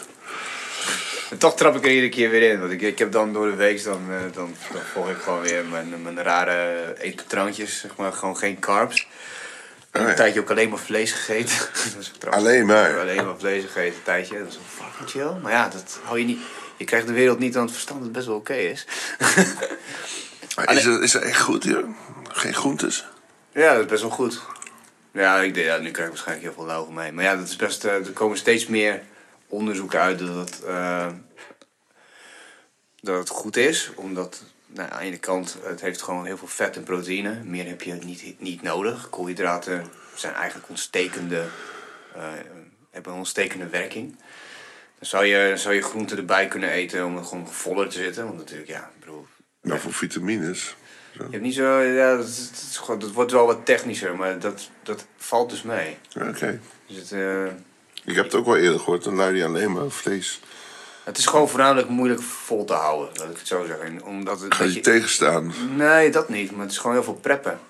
Dus als jij een keer gewoon iets, gewoon niet de kracht of de, of de moeite kon nemen om de avond ervoor een ribeye te maken en dat in stukjes te snijden en in je bakje te doen. En dan, nou, dan, Dan kun je een droge worst halen, toch? Of werkt het zo niet? Ja, dat werkt wel zo, maar uiteindelijk wil je gewoon wel gewoon goed, goed vlees eten. Want ja, je wilt. Ja, als je het elke dag doet. Ja. Ik heb dan gaat me een beetje tegenstaan uiteindelijk. Dan was ik in Tsjechië, dan ben je de hele tijd vlees aan het eten. En dan, en dan een beetje zo...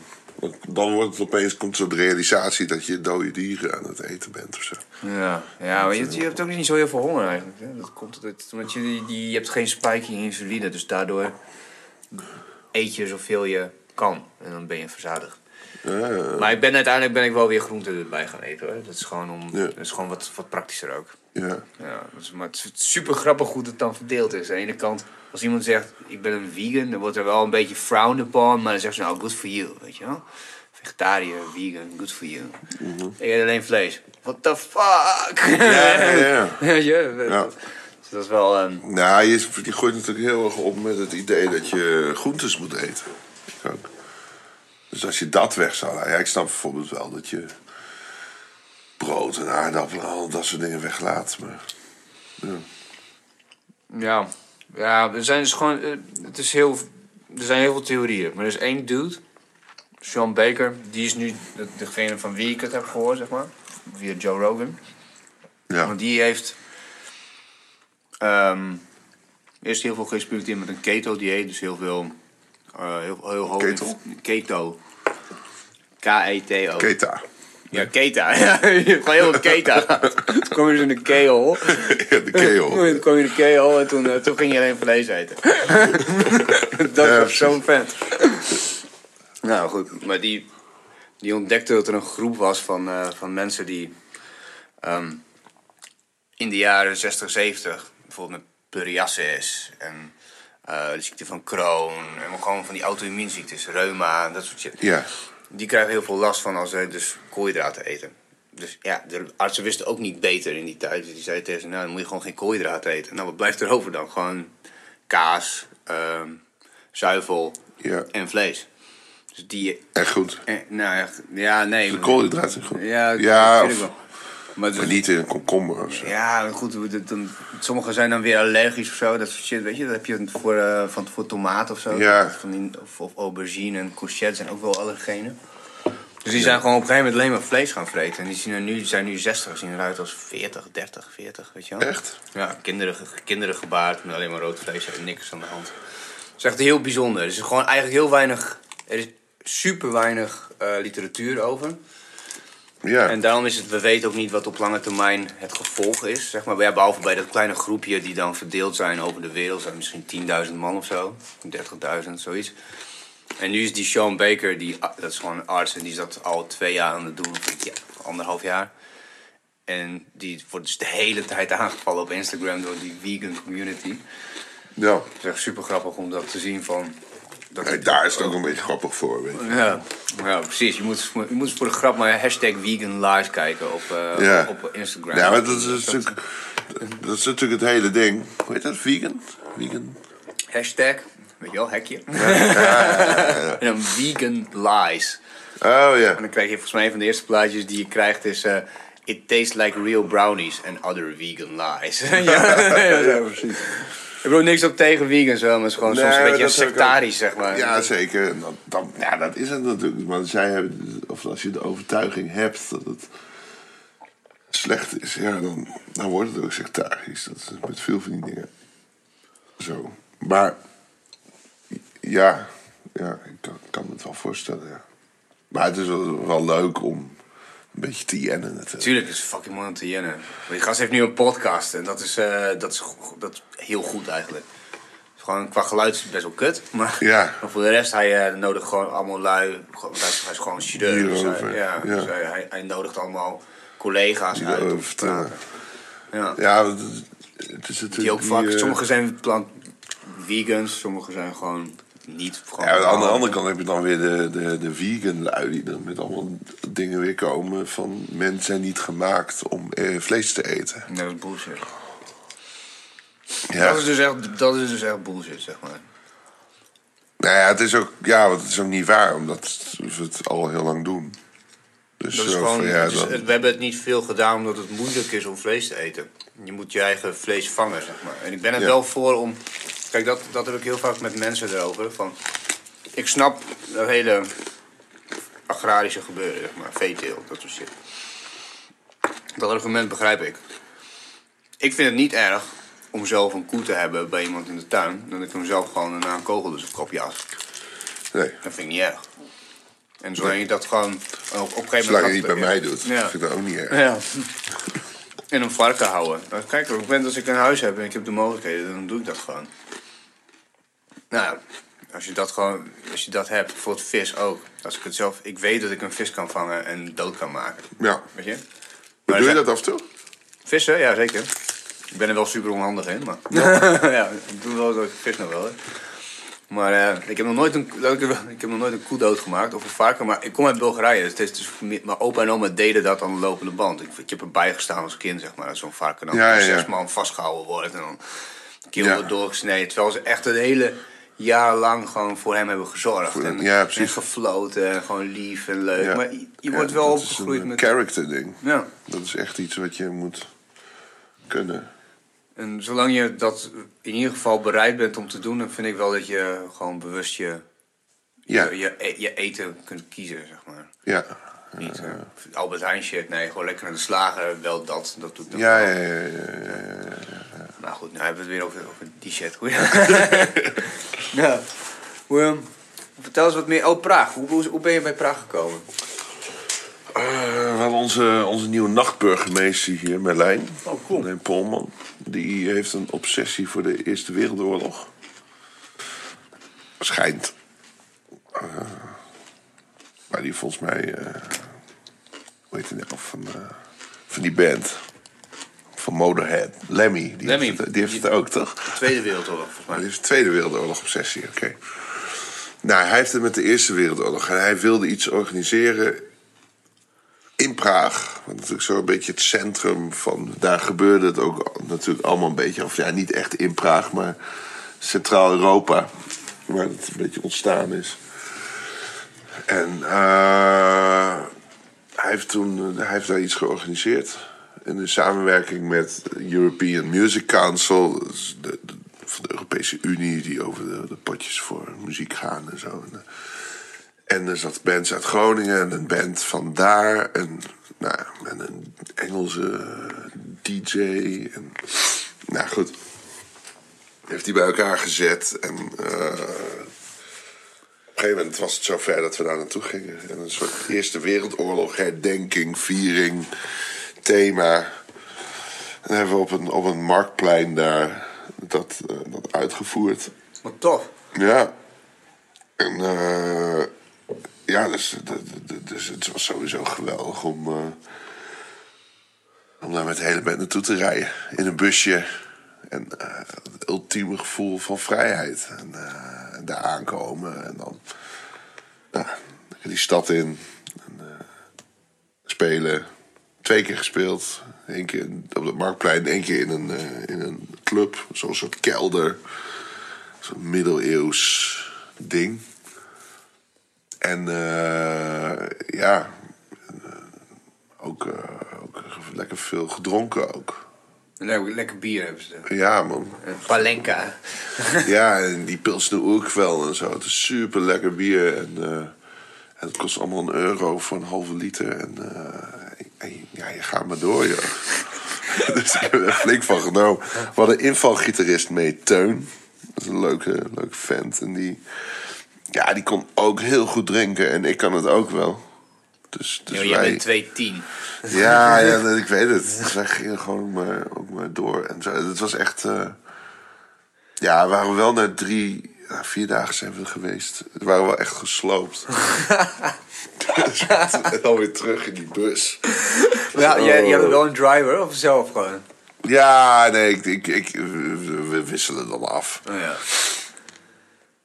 Dus daar moesten we weer wat terug. En die jongens die uit het zuiden komen, moesten eerst naar Groningen... en dan nog helemaal naar België en, en Tilburg. En, Oh, jezus. Dus het was voor hun nog veel, veel erger, die terugreis. Want het is toch echt wel ver weg. Ja, ik, ik ben er een keer eh, naartoe gereden met een vriend van mij. Of met meerdere. Ik heb geen rijbewijs, maar ik ben een keer na- daar naartoe gereden. Ja, ja, ja. Dat, dat is tien uur of zo rijden. Ja, Dus vanuit, ja, dan ga je dus langs. met zo'n busje is het wel tien uur rijden. Of, of acht uur volgens mij. Maar op een gegeven moment, dat is ook het ding ook in de vliegtuigen. Je krijgt een soort ander gevoel van tijd. Je bent gewoon... Present. Dat is gewoon je nieuwe leven, je nieuwe eh, ding om, om, om on the road te zijn. Ja, ja. zo'n zo'n klein kokonnetje zit je dan. Ja, Ja. Ik weet nog wel dat eh, met mijn eh, oude beentje, dat uh, Cosmo Spain, jij hebt ons ook nog eens wel eens gereden daarmee, volgens mij toen een keer. heb je gereden? Ja, Ja, ja, ja, ja was ons, onze driver toen naar Rode School of zo. Nee, was het? Nee, niet Rode School, Rode Schule. Nou ja, ik, heb, ik, zag daar la, ik zag daar laatst nog foto's van. Echt? Ja, dat was een parkeerplaats staan zo. Yeah. Hebben jullie gereden? Ja, het zou kunnen. En Zo'n oud busje van eh, zo'n gasten die we dan altijd huurden. Zo'n groene Hyundai. Zo'n vet verkrekt ding. Oh. Ja. Was dat zo'n van die gast die op, op zo'n boot woonde? Eh, met zo'n limp had hij voetje. Ja, en die had, die had volgens mij een rode Suzuki of iets ja, groen, groen, groen, was het Hyundai-ding. Niet dat ding wat, wat zeg maar een soort, soort 380 kon maken. Als je het stuur helemaal omgooide, dan, dan nou, dat weet gewoon niet. zo. Oh, dat weet ik niet. Dat weet ik niet. Een soort, molen werd. Nee, oh, nee, nee, nee, volgens mij niet. Nee, dat, maar dat weet ik niet meer. jaren geleden, joh. Dat is echt eh, 2000 zes of zo. Ja, ja in die tijd. Ja. ja. Met de Rollers, Holy Rollers en jullie. Ja, klopt. Ja. Want jullie hebben toen ook, wij hebben toen een jaar daarvoor in, eh, hoe heet het, Vechta daar in Duitsland. En toen zijn, zijn jullie een jaar later dan toegegaan dacht ik. Ja. Met Jan. Ja. ja dus daar, daar in de buurt was het toen, dat je, dat je ons eh, gereden had. Maar maakt In verder- Duitsland, hè? Ja, Duitsland. Zijn we in Duitsland geweest. Ja, man. Way back in the day. Ik zou eens kijken of ik dus een foto kan vinden. Maar wat, eh, wat, Bizar het, wat het grappige was, dat toen wij dus naar, naar Vechta gingen voor die... Voor, eh, daar was jij dus niet bij, maar... We zaten dus in dat busje. En eh, die drummer van onze band, die grijpt zo onder de... ja, dat verrotte busje onder die bank. En die haalde gewoon een, een PCP-buis uit. En ja, zo, oh, oké. Glijdt nog iets onder en er zit ook nog een handdoekje of zo. Dan houdt het handdoekje door die PCP-buis. Trekt een dikke joint tevoorschijn. Begint die hele buis te vullen zo. En dan volgens weet je wel, dat je, dat je hem op vacuüm zuigt met rook. En dan zegt ze tegen mij, Oh, ja. hier, hier Theo, hier. Dan, ah, nou, dat was gewoon, dat de eerste, dat was de eerste tien minuten, zeg maar, dat we in die bus zaten, uit Groningen rijden. Zeg. Ja, ja, Toen hadden, we, ja. hadden we nog iets van vier uur of zo. Dus echt de hele bus volgestoomd. Ja. En een vriend van mij die was aan het rijden. En toen reden we net de grens over. Je- En dan, eh, nou, dan zie je het dan Duitsland, weet je, zo staan. En die vriend van mij zo... Eh, eh, eh, zo toeteren en zo. En net achter dat borst vijf politiemotors. Oh, echt? En wij gewoon veel te veel wiet mee en zo. En ja, echt gewoon een vet para. Zo. Oh, deze kant. Maar ze zijn niet achter je Nee, nee, ze zijn niet erachter. Dat is precies waar wij bang voor waren. Zo van, ja, we gaan natuurlijk geen, geen dingen meenemen. Ja. Want we waren echt wel een beetje bang van, nou ja, als we, dat, moet, dat moeten we niet hebben, zeg maar.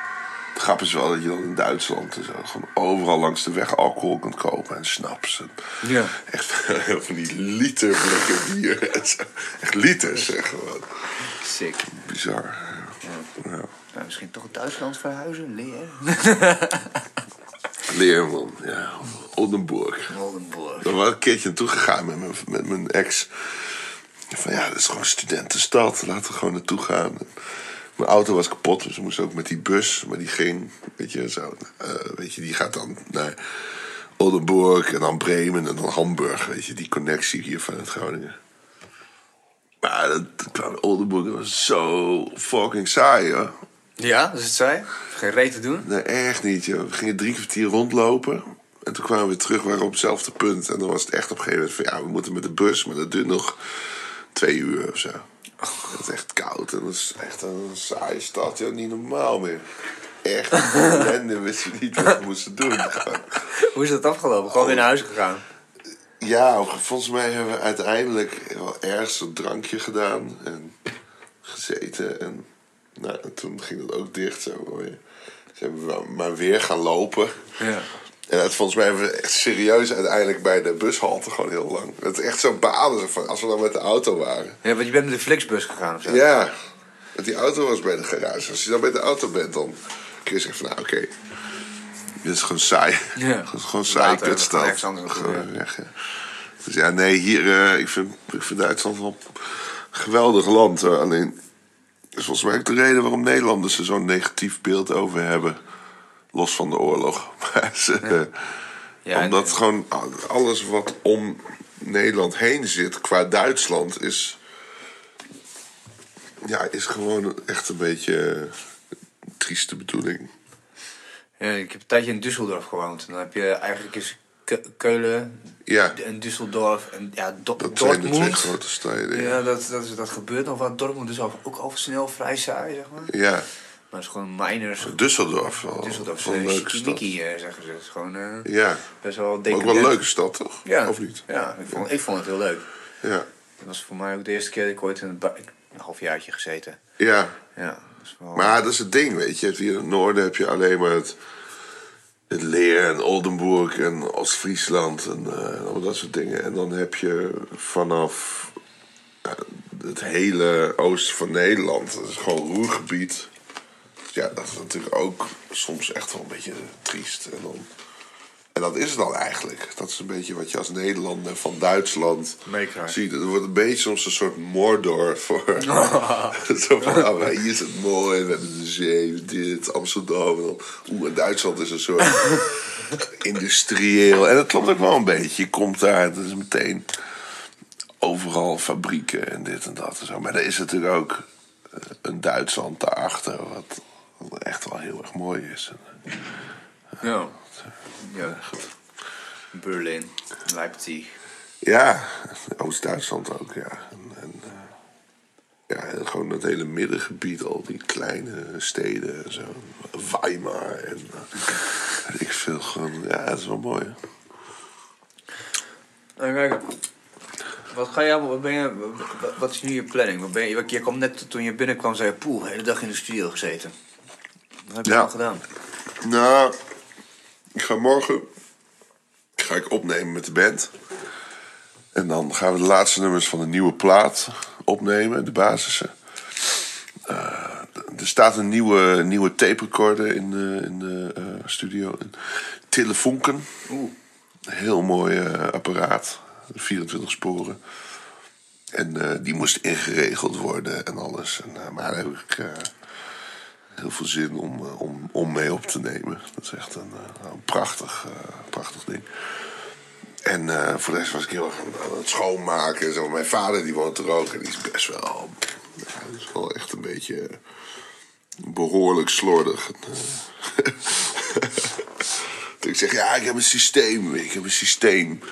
Dat gewoon, omdat je dan, dan bakjes... Of een van die, heeft die drop... ja, van die, van die kartonnen dingetjes waar dan drop in zit.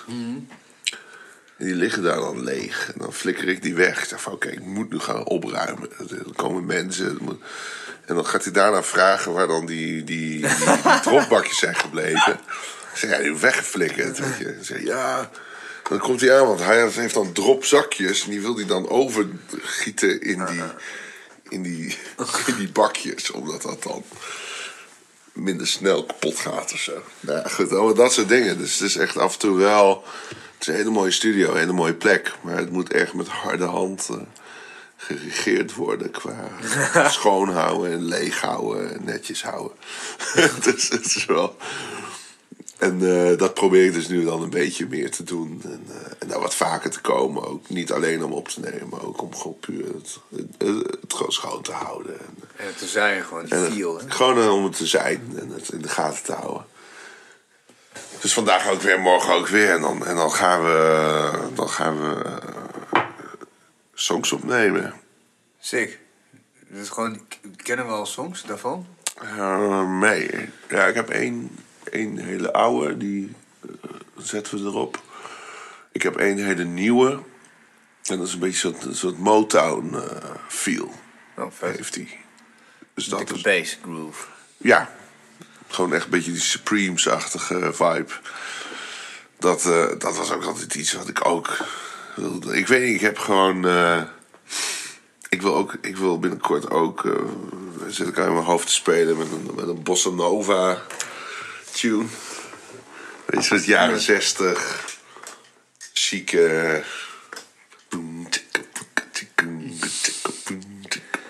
Weet je dat? Ja, die, eh, zo'n Jobiemetje, zeg maar. ja, ja, dat, dat zou ja. Om dat een keertje eh, proberen te poelen. Ik weet niet, gewoon al die klassieke stijlen.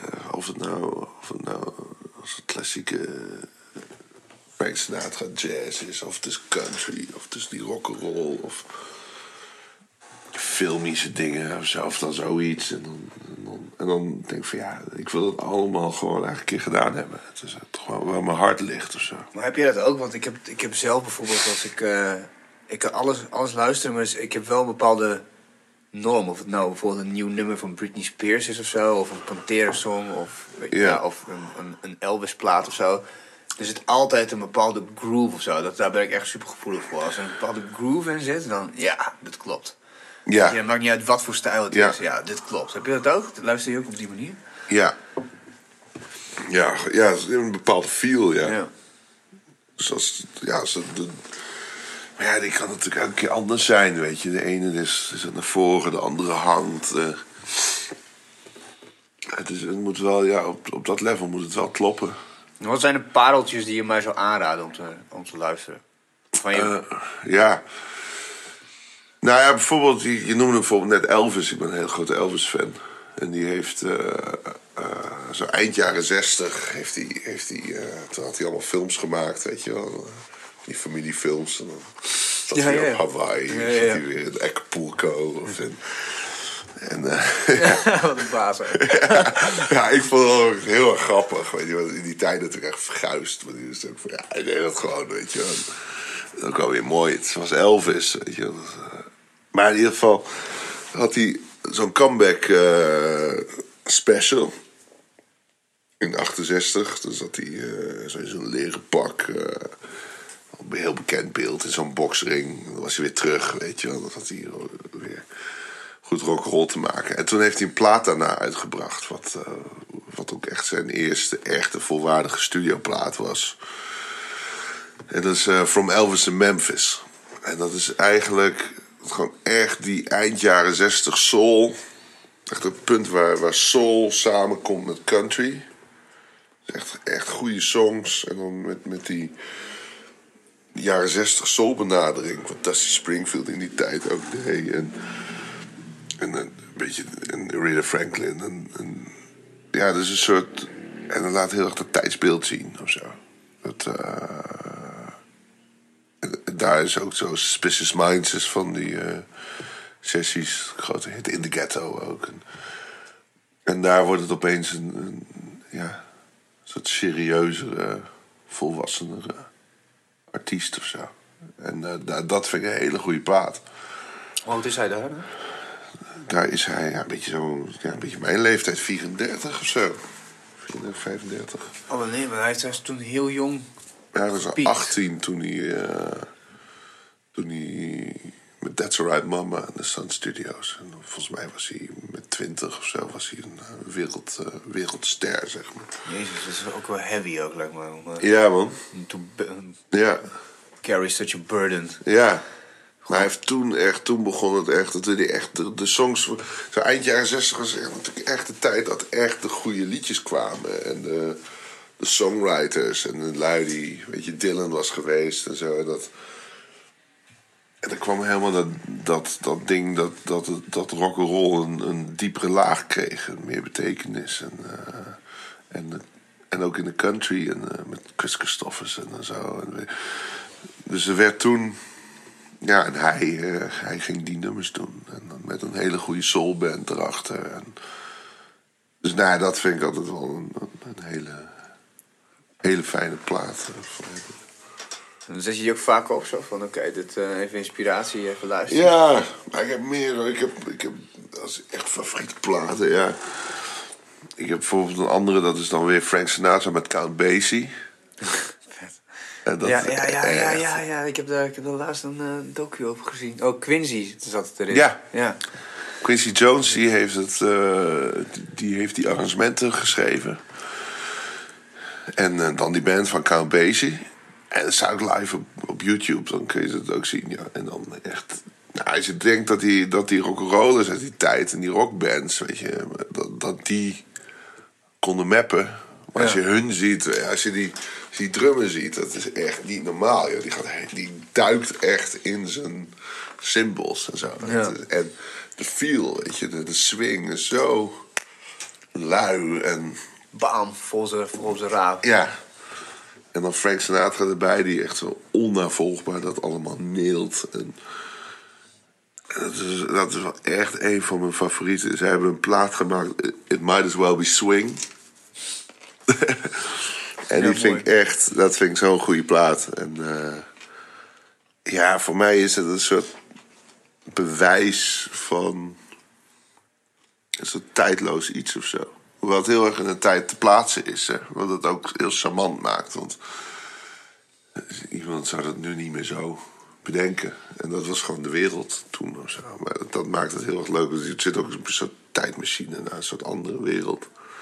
Alleen, eh, ja, gewoon muzikantschap.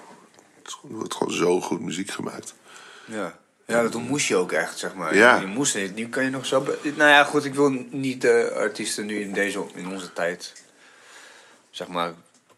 Zeggen dat ze, dat, ze, dat ze het makkelijker hebben. Want ze hebben het juist denk ik ook moeilijker door alle opties. En, Ja, door alles, wat ga je maken? Hoe Ja. kun je opvallen? Wat is, wat is nou een nieuwe... Toen was het gewoon van ja, gewoon een goed liedje maken. En Ja. het goed spelen. En, het is en, bijna... dat, en nu is het van ja, maar wat wil je ermee zeggen? Dit en dat. En dan ga je heel raar. En alle rare dingen zijn al gemaakt. En, en ja, ik weet niet. Ja, de- en ik denk dat, dat het altijd een uiting is van de mogelijkheden die er zijn. Een soort creatieve uiting. Dus dat je. Weet je, op het moment dat je kon overdubben, dat je bijvoorbeeld eh, een opname kon maken en de dingen bij op kon nemen, begon de muziek al anders te klinken. Ja, ja. Toen kreeg je rock, weet je, dat je opeens heel hard op drums kon slaan. Dat kon daarvoor niet, omdat alles in één ruimte opgenomen moest worden, weet je. Precies, ja. ja, ja. En dan ging het allemaal erin zitten, dus dan moest je wel zachter drummen hè, om, het, om het te laten mengen. En op het moment dat je, dat je microfoons kon gebruiken, kreeg je opeens crooners, weet je. Lui die zachtjes konden zingen, Maar hard klonken. Ja. maar hard klonken, omdat ze gewoon dicht bij een microfoon konden staan. En daarvoor moest je gewoon hard. Operazang is gewoon zoals het is, omdat het boven een eh, orkest uit moet komen. En Ja, dat is no mic. ja, dus je, moet, dus je moet het vormen. Je moet er iets mee doen om, om te kunnen projecteren met een menselijke stem. Dus de, de, de techniek heeft gewoon altijd een invloed op, eh, op, op wat mensen creatief gaan maken. En dan op een gegeven moment is dat editen en is het autotune en, en al die dingen. En ja, je kunt er heel erg tegen zijn en zo. Maar ik zie natuurlijk, het hangt vanaf in welke muziek het je doet. Je doet, weet je wel. Wat ik doe is het van ja, dan moet je dat niet willen of zo. Dan moet je het Ja, laten juist. ademen en gewoon. Ik wil je wel horen op autotune. nou, die werkt bij mij eh, niet. Te laag stem voor. Is het zo? Nou ja, dit, niet helemaal waar, maar we hebben het wel eens geprobeerd. En het, het, hij reageerde er niet heel erg overdreven op. Het was echt zo van, nou, nou, nou heel af toe hoor je het een beetje zo van... Ik, ik kon niet echt dat T-pain effect. dingen- ja, Die phaser, zeg maar. omdat het blijkbaar zo laag was of zo. Het was, het toen onze theorie. Hè. ja. Maar goed, ik denk dat, eh, dat mensen gewoon eh, altijd dat gebruiken wat ze kunnen gebruiken. En dat is misschien ook wel goed. Creatief, word je creatief van. Weet je. Ja, absoluut, absoluut. Want eh, ja, wat een mooi, ik zag, ehm, ik was voor Cordify een stukje aan het tikken voor over Queen. Want ik heb dan zo'n rubriek eh, albums van de, van de maand. Ja, En eentje was dan live album van de maand, maar dat was dan, hoe heet het volgens mij ook, Killer Queen of zo, weet je wel. Maar dan duik je dus echt in, in die band. En ik wist, ik wist heel veel, maar ik wist eigenlijk heel weinig, kwam ik erachter.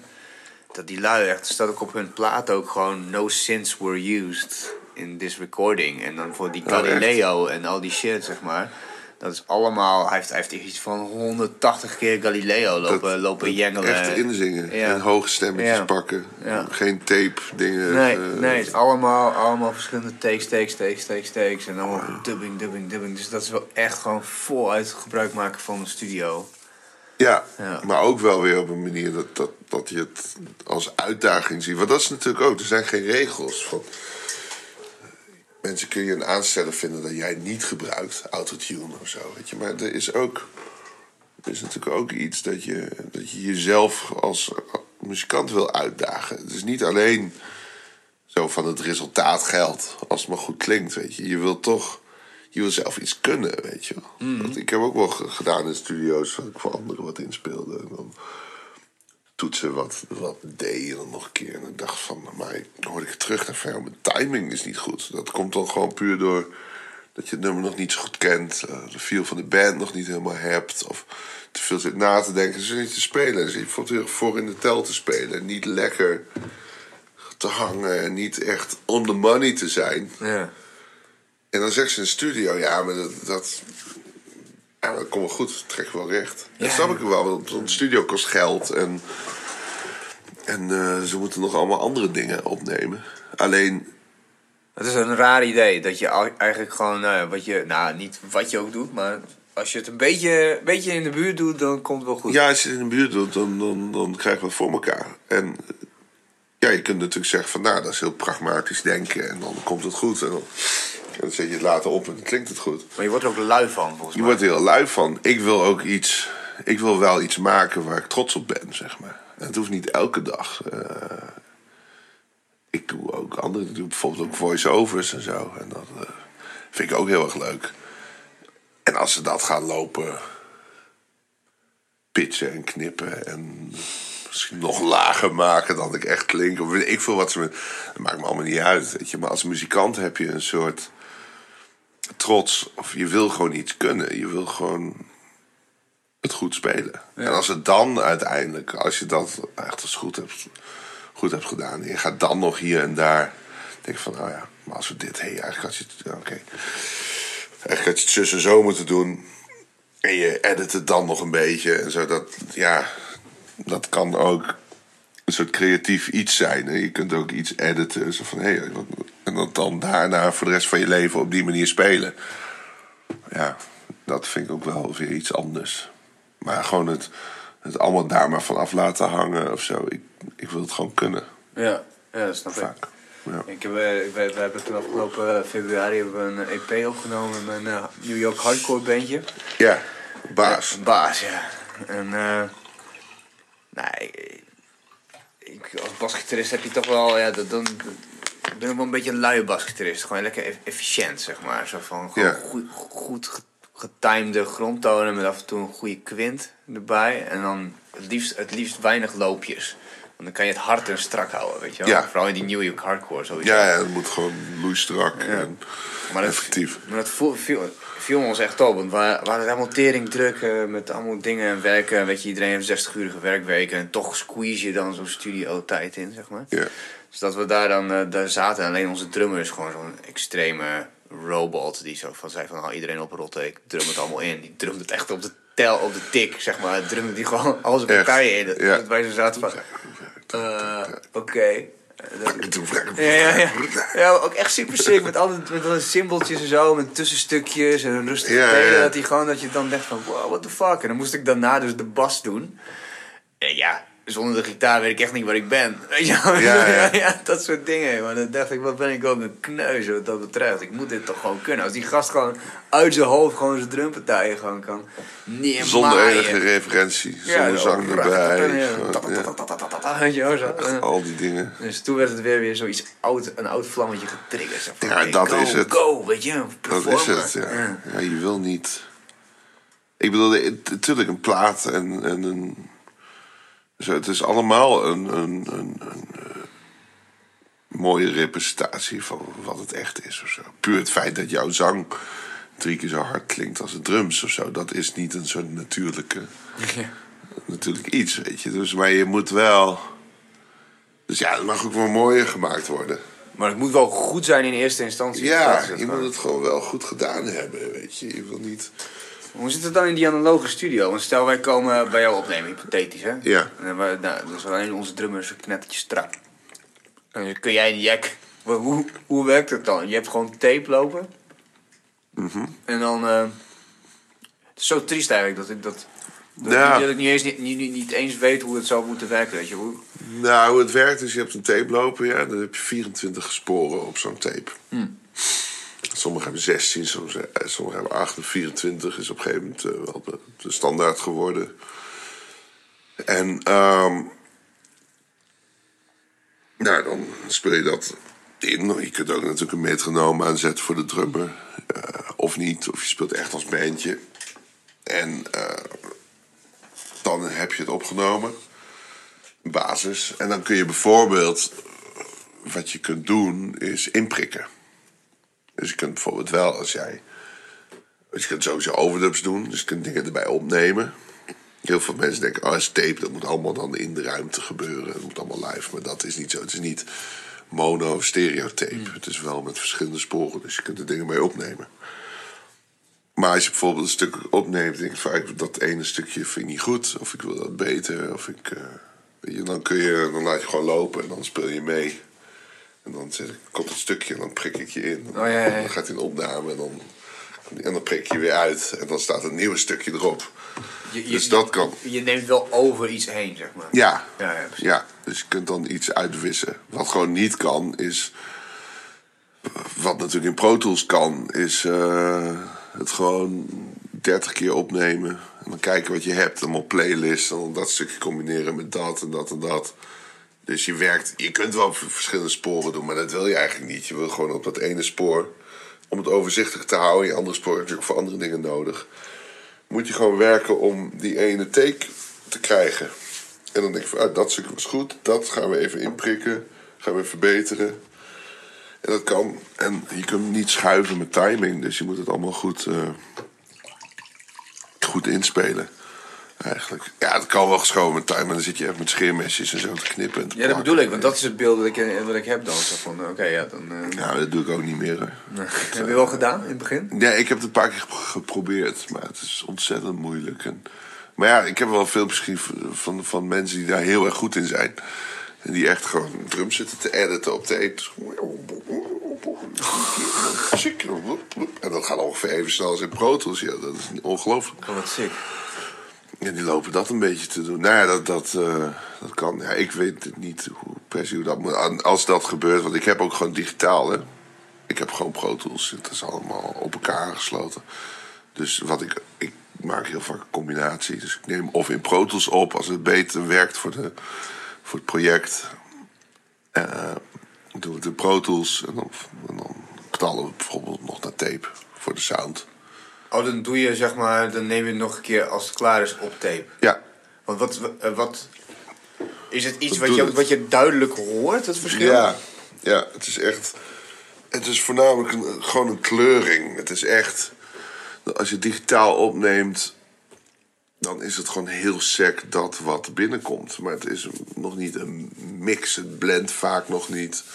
Dat doe je natuurlijk wel door de juiste microfoons uit te kiezen. Alle, alle, alle sounds die je maakt. Van het begin van welke gitaarsound kies je. En dan komen, komt de miking. Hoe ver staat je microfoon van elke bron af. Van elk instrument. Welke microfoon gebruik je, wat voor type. En al die dingen zorgen samen zodat jij achter de mengtafel zit. En oké, van ja, nu mengt het goed. Dan heb je nog een tweede stap van hoe maak ik een mix. Zodat ik echt al die dingen helemaal... Dat alles zijn plek heeft, maar ook met elkaar mengt. En zelfs dingen die misschien op verschillende plekken zijn opgenomen met elkaar mengen. Tape is een soort ding zo van, als je dat allemaal hebt... en je jaagt een tape en het komt terug... dan opeens is het gewoon zo af. Van, ah, dit zijn de drums, die zitten hier. En daar zitten dit en dat. En En het rondt een beetje de dingen af. Weet je, een soort dingen die misschien normaal een beetje scherp klinken. Die klinken dan gewoon op een soort mooie manier helder. En het laag wordt wat aangedikt, dus je bas komt opeens goed pompend door. En je drums heeft een soort overall. Het gaat niet meer alle kanten op en het zit gewoon zo. Het zit in de pocket qua sound. En het krijgt een soort karakter en een soort. Ja, een soort, opeens klinkt het als een, eh, Als een echte. als een echte opname. Zo, dat, eh, dat is een beetje wat het doet. En er zijn natuurlijk ook manieren om, eh, om daar op andere manieren te komen.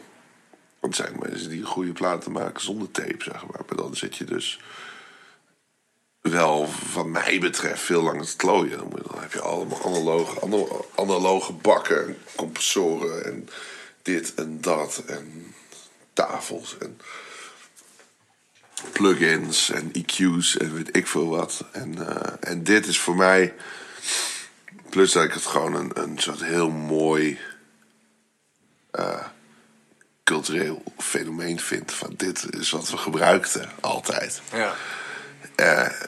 is het gewoon een soort van, ja, het, het helpt ook gewoon. Laatst had ik die, die EP van mij, die hadden we opgenomen op Pro Tools. Omdat dat sneller ging, omdat we ook met film werkten en alles. En, dan, en een tijdgebrek. En dus gewoon konden we laten lopen en dan drie takes doen. En dan, en dan gewoon meteen door. Dus je hoeft niet te kijken van, hé, de tape is afgelopen, moet de andere op en alles. Uiteindelijk bij de mix weer teruggegooid naar, eh, naar tape. En toen kwam ik terug en was van, ja, maar nu klopt het. Het is gewoon, oké, hoe het nu klinkt. Dat is, eh, Dat is wat ik wil. Ja, en Maar is, het, dan... maar is het dan, is het dan een, een, een ding omdat we dat zo gewend zijn van vroeger, dat zo klonk, klinkt een opname? Of is het, Ja, ja, denk je dat dat het is? Of is het... ja dat, dat, dat zou heel goed kunnen. Ik, ik, eh, ja, voor mij is het soort van heel duidelijk ding. Van, ik heb het, kan het A, B naast elkaar leggen. Ik heb dat gisteren ook weer gedaan. Joost Dijkema in de studio. Hier het Groningen. Dan Die met die 12 snagen. Ja, ja, ja. Die had dingen in de A-kerk opgenomen. Met iemand. Met een enorme galm en zo. Nou goed. En dat wilde hij bij mij mixen. En zei van, oké, nou, want ik kijk hoe dat die dingen klinken. Ze van, nou, het kan wel wat gebruiken. Nou, laten we het eerst even een tape doen. En dan hoor ik zelfs die dingen die niet bij mij zijn opgenomen. En zo, dan hoor ik het terug van tape. En het was dus overduidelijk dat het gewoon breder en helderder en meer naar voren. En dat het echt iets doet. Eh, ja, voor mij is het dan, klinkt het dan beter of zo. Maar Nou, ik kan me ook wel voorstellen. Ik begin nu ook wel een beetje een plaatje te krijgen van... eh, Van wat je gewoon, gewoon alsof je een kaartje hebt, zeg maar, met een tekening en in één keer wordt het juist wordt er ruimte ja, ingevormd. een soort ruimselijkheid. En, maar ik denk ook wel dat, dat... Kijk, ik hou natuurlijk ook van, heel van die oude dingen. Dus ook als ik, of als ik oude foto's zie, of ik wat in mijn videoclips... dan wil ik altijd gewoon dat het er gewoon uitziet als classic movies of zo. Ik vind dat gaaf, weet je. Ik heb daar wat mee. En eh, aan de andere kant, ik denk dat je die diepte en die, weet je, dat, dat het gewoon aanstaat, zeg maar. Dat kun je ook wel op andere manieren krijgen in audio dan alleen tape. En op andere manieren waardoor het niet de, nog eens een keer de oldschool vibe meekrijgt. Maar dat je gewoon met, met de juiste compressie en de juiste eh, dingen. De, ook wel de dingen naar voren krijgt natuurlijk. Want dat is wat mixen doet. Tape doet het heel effectief, heel snel heb je dat al. En, maar ja, het klinkt wel meteen wat meer, ja, wat meer oldschool. Body, ja. Ja, maar ook wel wat zo van, oké, ja, dit is wat Vet, je nou, we kent. komen sowieso een keertje bij jou langs. hè. Dat, eh, Ja, ja, ja. Laten we dat gewoon een keer doen. Ja. We gaan toch nog een keer binnenkort een... nemen, we- ieder jaar hebben we besloten om een nieuwe EP op te nemen. Ja, man. Ja. Oh, cool. Twang, we're gonna twang it. Twang it. Ja, vet. New York Twang. New York Twangcore.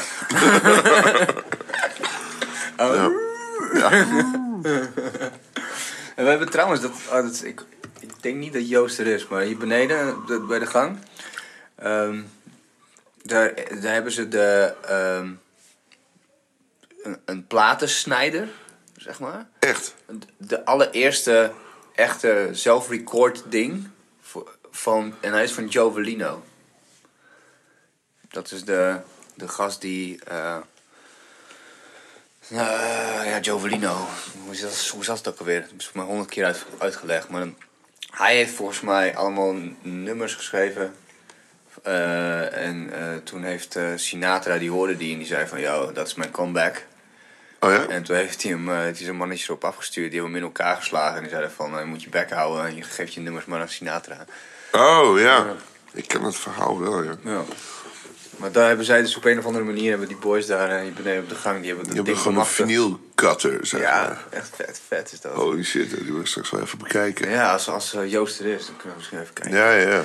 Echt een bruut ding. dat is gewoon... Wat doet het ding hier dan? Nou ja, ze, ze- ik weet niet precies hoe het... Het is best een bijzonder verhaal. Want ze hadden... Volgens mij Casper van Hoek. Die maakte allemaal instrumenten en zo op een gegeven moment. Dan had hij zo'n zo'n zo'n fase dat hij dat deed. Toen ging je een beetje googelen, dacht ik. En dan kwam je dus, kwam je dus op dat ding uit. Die door de dochter van Joe Velino op de koop was gezet. Nou, hebben ze uiteindelijk een soort van onderhand... Misschien vertel ik het ook verkeerd hoor, maar dit is wat bij mij is blijven hangen. Toen hebben ze, hebben ze onderhandeld en uiteindelijk dat ding gekocht. En toen is dat helemaal uit Californië is dat hier naartoe verscheept. Dat is echt gigantisch. Het is echt nou, één vierkante meter, gewoon loodzwaar. Ja, ja, en ik dan, die dingen ja, het echt tot aan je borst. Ja. Bij jou tot aan je pik, maar aan mijn Ja, borst. precies. Ja, precies, Even zwaar ook. Ja, teringzware dingen. maar echt wel vet. En, maar wordt er ook iets mee gedaan dan? Nee, er wordt niks mee gedaan. Nee. Nou, ik zie jou denken zo. Ja. Even een plaatje opnemen.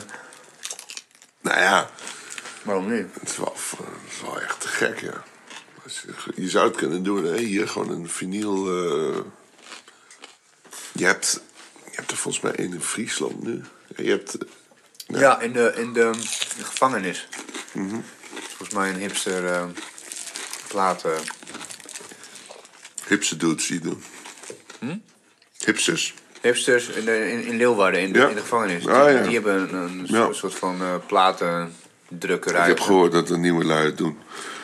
Ja, ik weet gewoon voor de rest heb je, heb je in Haarlem eentje. En die zijn gewoon echt heel goed. Dan heb je in Haarlem en je hebt in Duitsland een. En misschien in Frankrijk. En dat zijn dan echt de profi, de profi boys. We hebben een plaat ook laten doen. En eh, ja, die, die kunnen het echt heel goed. Want dat is een beetje het ding. Hè. Het is gewoon... Het is een masteringproces, vinyl. Dus het is, het- je moet het echt goed doen. Je moet het op gehoor, je moet het op... Hoe werkt dat dan? Ja, ook op mijn paneeltje of wat? Of wat? Ja, ja Maken ze moet- dan meerdere cuts en dan... het is anders dan dat je een cd eh, eh, brandt, die altijd hetzelfde is. Je moet het echt met het juiste level doen. Het er goed opkomt en de juiste compressie. En dan, moet je, en dan moet je bepaalde frequenties. En het laag moet je eraf halen. En het sublaag, omdat anders de, de naald eruit springt.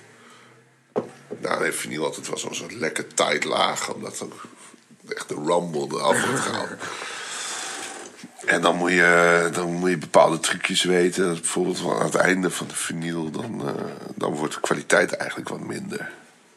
Dus dan moet je dan dat met je EQ, dus dat je iets meer hoog bij doet. Oh, sick. Oké. Ja, dus- zodat dat weer... eh, maar dat is, want, dat, eh, want je hebt het aan het einde wordt de vinyl minder, bedoel je, dat is de moederplaat, zeg maar. Ja, omdat die... die, die eh, De mal of zo. ja, nou, die, die eh, groeven die komen dichter op elkaar te staan. En zo. Dus er minder ruimte. Dus daardoor wordt het de dynamiek wat minder of zo. Ik weet niet precies hoe het allemaal zit. Maar eigenlijk die nummers die. Sommige bands vroeger hielden daar ook rekening mee. Hè, dat je. Dus de, eh, de nummers die je echt wilde dat die het beste eruit knalden. Dat je die niet aan het einde van kant A of kant B stopte. Maar gewoon gelijk aan het begin. Ja, Weer de technologie, zeg maar. Zeg maar een bepaalde alweer ja. soort gaming Ja, zit je heeft dan. daar gewoon altijd invloed op. Ja. Ik had het met eh eh, Sadi. Ken je Sadi nog? Ja, onze oude zanger. Die is kok, Ja. ja. die is kok geworden. En, eh, maar die maakt zijn eigen worsten zo. Die ontleedt op varkens en koeien en dat soort shit. Oh, ja. Ja, echt heel vet. Maar die, die, die, is, nu, die is nu bezig met een... eh, of tenminste, die is niet bezig, maar die vertelde me laatst in een discussie... Dat, dat waarvan ik dacht van dat zou echt een vet boek zijn of zo. Over worst, droge worst. Zeg maar. En dat droge worst is net als dus de het klimaat, dus de technologie die je... no- de, het klimaat... ehm, of de technologie waarmee je het maakt... is afhankelijk van het klimaat waarin het gemaakt wordt. Dus bijvoorbeeld in Bulgarije Mhm. en in de Balkan is het heel droog. Ja, Dus dan kun je worst laten hangen buiten. Ja. En dan wordt het droge worst. droge worst. ja. Maar in Nederland is dat niet zo. In Nederland moet je het meer roken. Omdat het hier wat vochtiger is. Ja, ja, ja. Weet je? Dus allemaal dat soort dingen. Dus daarom komen ook smaken als kruidnagels en dat soort shit. Om, om gewoon meer, eh, niet alleen maar om het op smaak te brengen, maar ook om het, omdat het het een desinfecterende Ja. eh, functie heeft, zeg maar. Ja, ja, ja. Dus Zo van, ontstaat, Ja. Ontstaat een keuken ook. Ja. Afhankelijk van wat je kunt in eh, een stuk. Ja, ja, vet hè? ja. ja dat zijn wel mooie dingen. Ja. Dus ook met, met nu met, met sound. gewoon, iedereen denkt van, oh ja, gewoon studio, weet je. ja, Maar ja, dat is echt niet zo. nee. Nee, dat is niet. En dus van iedereen, ja. Dus van, oh, vroeger waren ze puurder, vroeger waren ze. Ja, ook niet. Ze deden gewoon wat ze, wat ze konden, wat ze voorhanden hadden. De Beatles gingen, gingen opnemen en die kopieerden van de ene four-track recorder naar de andere. En dan dingen dat en zus en knippen. En weer eh, dat erbij. En dan altijd met heel, heel veel compressie erop. Wat die sound ook geeft, maar wat ook moest. Omdat er steeds meer, meer ruis bij kwam. Vanwege het kopiëren van de tapes heen en weer. Ja. En dan weer iets proberen en dan de tape eh, langzaam of sneller laten lopen om een bepaald effect te krijgen. En dan moest dat weer op een andere gekopieerd worden, zodat het weer paste bij. Het was echt één groot team wat daar aan studiotechnici bij Kun je zaten. niet voorstellen, bijna zo'n film of zo. Ja, het is zo, zoals oude films werden gebouwd met special effects van een, van een aap die dan eh, in New York die, die toren in klimt. Weet je? Ja. Dat je dat, hoe maken we dit? En zo waren zij met, eh, met eh, geluid bezig. En ja, dat moest op die manier. En ja, je kunt zeggen van ja, ze, waren lekker puristisch dat allemaal op tape aan het doen. Maar ja, als zij Pro Tools hadden gehad, dan hadden ze dat gedaan. Dan Ja, hadden dat ze dat heel gebruikt. anders gedaan, ja, precies. Ja, dan had ze het op die manier gedaan. Dus ik ben het niet.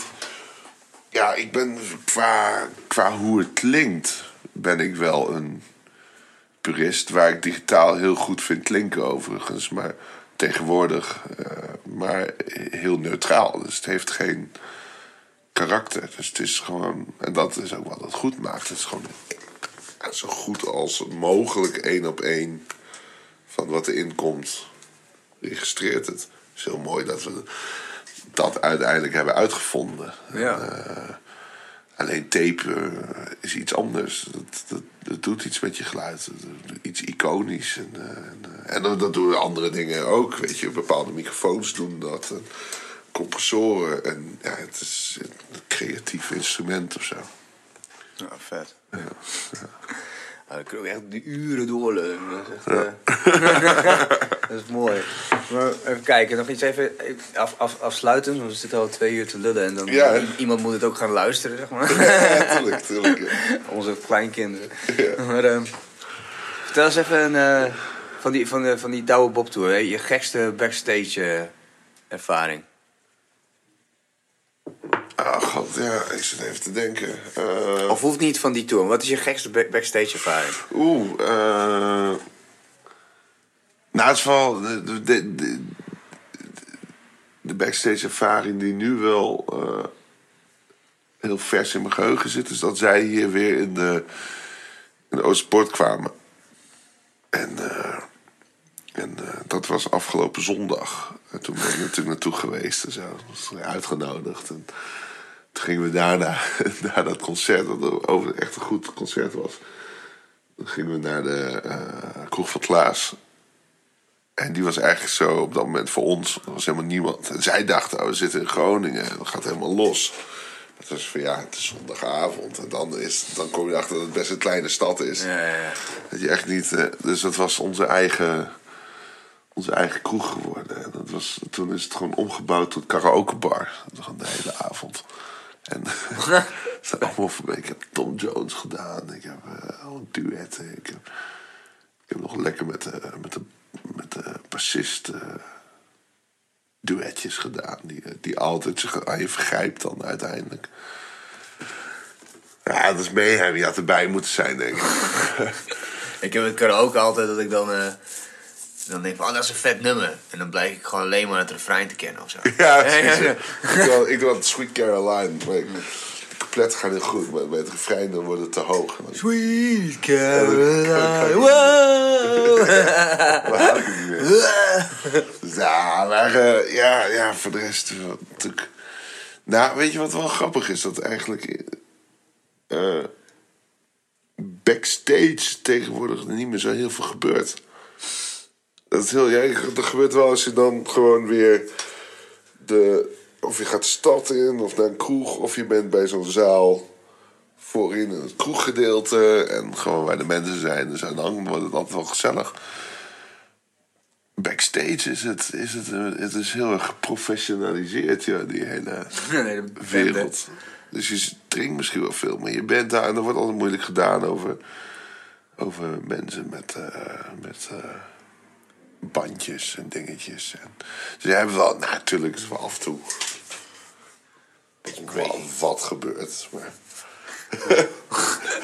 maar niet zo dat het standaard backstage een soort, eh, een soort gekte is. Dan kom ik altijd redelijk snel van, nou jongens, eh, Kun je nu oprotten, want het ja, is ik afgelopen. oprotten en dat. Het, ja, Hier heb je nog twee concerts gewonnen. het zijn andere tijden, man. Ik dacht ook, eh, ik zag een keer zo'n, wat heet dat, een meme? Of is dat een...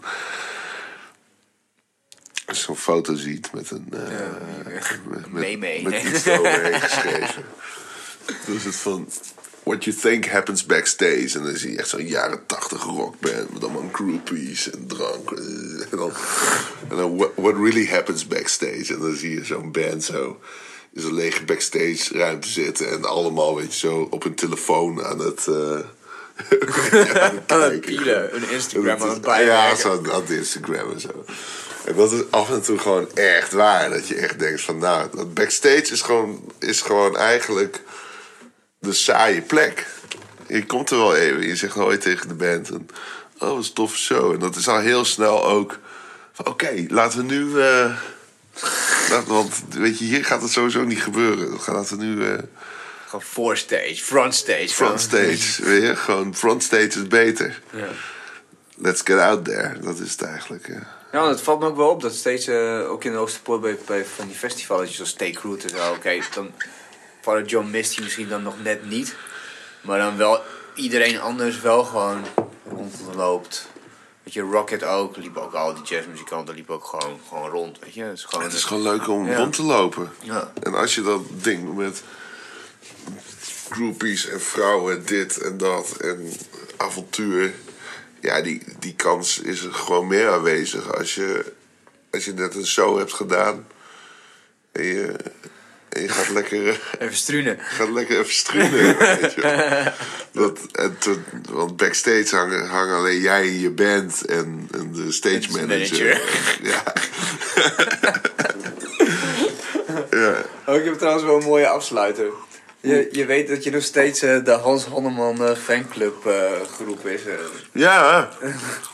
Nou, dat is wel een mooi verhaal. Want, nou, nou, vertel maar. Ja. ja. dat is zeker een mooi verhaal. dat is volgens mij ja, twee jaar geleden, denk ik, 2016, Eurosonic. ja.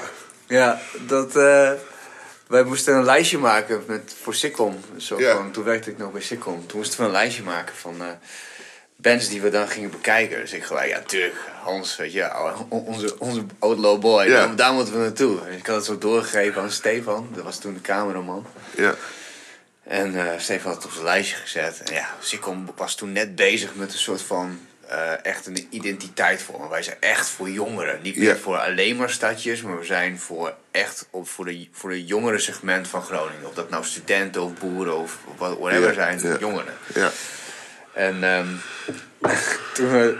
toen En gingen- ik paste daar niet in. nou ja, nee, dat was, dat was dus het, het grappige. Want wij kwamen daar, of ik was er zelf niet bij, maar eh, ik hoorde dus op een gegeven moment dat het een running gag was geworden. Zo van dat Willem tegen, tegen Stefan riep: Hè, hè Stefan? Je grootste, grootste fan van Hans Hanneman, weet je wel? Ja, grootste ja, fan van Hans Hanneman. Ik zei, op een gegeven moment, wat, wat, wat, is, wat, is, wat, wat heb ik gemist? Van, ja, nou, we gingen dus kijken toen Stefan dus Hans Hanneman ging filmen. En Ja. er waren alleen maar gewoon van boven de 30 mensen die daar een beetje zo, zo stonden. Er was gewoon niks doelgroep, zeg maar. Ja, ja, ja. ja. Is dat- Dat is heel afschuwelijk. zo. Dus uiteindelijk dus hebben wij volgens mij nog een foto met jou genomen, Stefan en ik. Ja, eh, tijdens Eurosonic. En dat was een tijdje de, de groeps-F-foto zonder. Het was gewoon, is gewoon een sitcom eh, crew of zo. En toen heb ik er nog gewoon de Hans Hanneman fanclub van. ja, precies. Ja, in één keer had dat gehoord. Ja, ja het was wel lullig. Want hadden, ik had een heel interview met Sikkom. en zo. Tijdens hier Sonic. En, eh, met, weet die, ja, die jongen. Je. Stefan. Ja, ja. Heel leuk en zo. Maar uiteindelijk is het hele ding niet geplaatst. Het was natuurlijk wel zo van... eh, Ik weet niet of dat kwam door de, door, door de 30-plussers hoor. Ik, ik- volgens mij was het gewoon iets anders met de files of zo eh, gebeurd. Ja, dat zou kunnen. Ja, maar ik had het zo van, oké, dan is dat het, weet je wel. Nou goed. Maar toen heb ik wel tegen Willem gezegd uiteindelijk van... eh, het is allemaal leuk en aardig, maar ik, weet je, dat... want ik had het lucht van gekregen. Toen, dat, Hans Hanneman, ik zeg, nou, als de Hans Hanneman fanclub... Als jullie zo heten, ja, dan wil ik wel gewoon dat jullie dat in een mooi stukje stoppen. Ja. En eh, dat zou hij doen. En ik heb hem later nog een keer aan herinnerd. Ja. Even een fotootje en dan stuur ik hem wel even. Ja. Hans Hanneman Mons is een stuk. Ik wil een stukje. Ik heb het later weer gezegd. Hij heeft het beloofd. Hij zei, ja, ik ben al op de helft. Ach, onzin. En, Ja, eh, maken. Hij heeft het nooit gedaan, weet je wel. Hier, waar is mijn stukje? Dit wordt toch wel... Ja, dat is een stukje. Ik wil een stukje. En ik vind het ook wel grappig hoor, dat hele ding van, nou ja, weet je wel, ons op het jongen richten. Hans Halleman is dat niet, weet je wel. Nou ja, goed. Dat is allemaal wel. Hans Hanneman is wel vet de baas. Daarom. Daarom, maakt, maakt mij allemaal niks uit. dus, maar ik wil gewoon. eh, Ik wil mijn stukje. Ik wil mijn stukje. God, Want als er een goed verhaal in zit, dan zit een goed verhaal in. Weet je, Ja. zo ook als het, als het nou eh, goed voor mij uitpakt of niet goed voor mij. Ik, een goed verhaal kan ik altijd waarderen, weet je. Ja, maar dat is wel. Ik kan het nu. Ik, ik, eh, als, dat een, als de naam zou veranderen, dan, dan, dan raak ik helemaal in de war, denk ik. Want ik sta. Ik bedoel, ik, ik weet niet meer bij Sikko, maar ik heb wel die. Ik zit nog wel in die appgroep. Ja, Zo van dat kan ik ze af en toe tippen als er iets is of zo, weet je wel. ja precies. Maar ja, als, dat staat altijd bovenaan, dat daar de meeste commentaar op zit. Zeg maar. Ja, Dus, dat als, is als, als, dat in één keer ver- als dat in één keer verandert of zo, dan, Ja, nou, nou, dan is mijn wereld wel op de koop. ja daarom. daarom. Moet ik echt een week voorbij Maar komen. ja, daarom, weet je, hij moet even dat stukje, want dat, ik- dat is voor mij natuurlijk ook gewoon lachen, weet je. Dat kan ik. Ik, kan, ik, bedoel, ik zit ook toch tegenover die clowns daar van de carnavalsvereniging. Ik bedoel, ja, ik eet de soep echt niet zo heet, weet je wel. Eh, ik het allemaal alleen maar lachen, dit soort dingen. En, Ik zet hem, ik zet hem gelijk eh, in, de, in de app. Zo van, nou ja, laat ik het nu niet doen, zeg maar, terwijl we nog aan het opnemen. ja, ja, ja, ja. Ja, gelijk heb je. Nee, maar het, eh, oké, dit, dit wordt gedistribueerd. dit, dit gaan we publiceren ergens in, in januari, eind januari, februari. Dus dan denk ik dat er al iets is van jou. Ah, oké. Ja, ik ben heel benieuwd. Dat Nee, maar dan heb je dan, heb je dan al shit uit, denk je? Ja, sowieso met US Sonic speel ik drie dagen achter elkaar. Ik heb Café de Wits geregeld. Het wordt gewoon de, de Hans Halleman kroeg Oh eigenlijk. yes, oh wat vet. Ja, met het boekingskantoor waar ik bij zit. Waar zit je bij? eh For the Road uit Utrecht. Mitch Rivers zit er bijvoorbeeld bij. Ik weet niet of je die ook kent. Nee, zeg maar hele toffe, uh, soort soul, soul artiest. Eh soul rock'n'roll-achtige gast. En hij speelt en, en ik, speel, ik speel gewoon elke dag. Een beetje soort de- host voor die, eh, die dagen. En, eh, ja. Wat cool. Ja, Ja, ik ga proberen dan dit zo- dan nog daarvoor eh, ja. te publiceren. Dan, eh, En dan komt ook wel weer een single uit. Dus ja, god, het gaat allemaal zo snel. Je moet de hele tijd weer Pop, pop, pop. wat uitbrengen. Dus doe ik maar weer. En, eh, ja, Moet maar weer. maar. Moet maar ja. weer. Ja, ik vind het hartstikke leuk hoor. Het is wel altijd veel gedoe. En, eh, het kost tijd, het kost geld. En, eh, ja. Dus je baan, Hans, niet zeiken nou. Nee, I know, I know. nee, het is hartstikke mooi om te doen. Dus met US Sonic ook wel weer. Dan dat. En dan, ja, dan zien we het wel weer. Ja. Dan is er weer een nieuw jaar eigenlijk. En dan komt er een plaat uit in de lente. Ja, en dan eh Mothers. Look Ja, up your ja, ja, daughters. ja, precies. 30-plussers. 30 plus is eh, opgelet. opgelet. dus Hans allemaal gaat Nederlands struinen. Ja, precies. Die gaat, die, die gaat, die gaat frontstage gaat die struinen.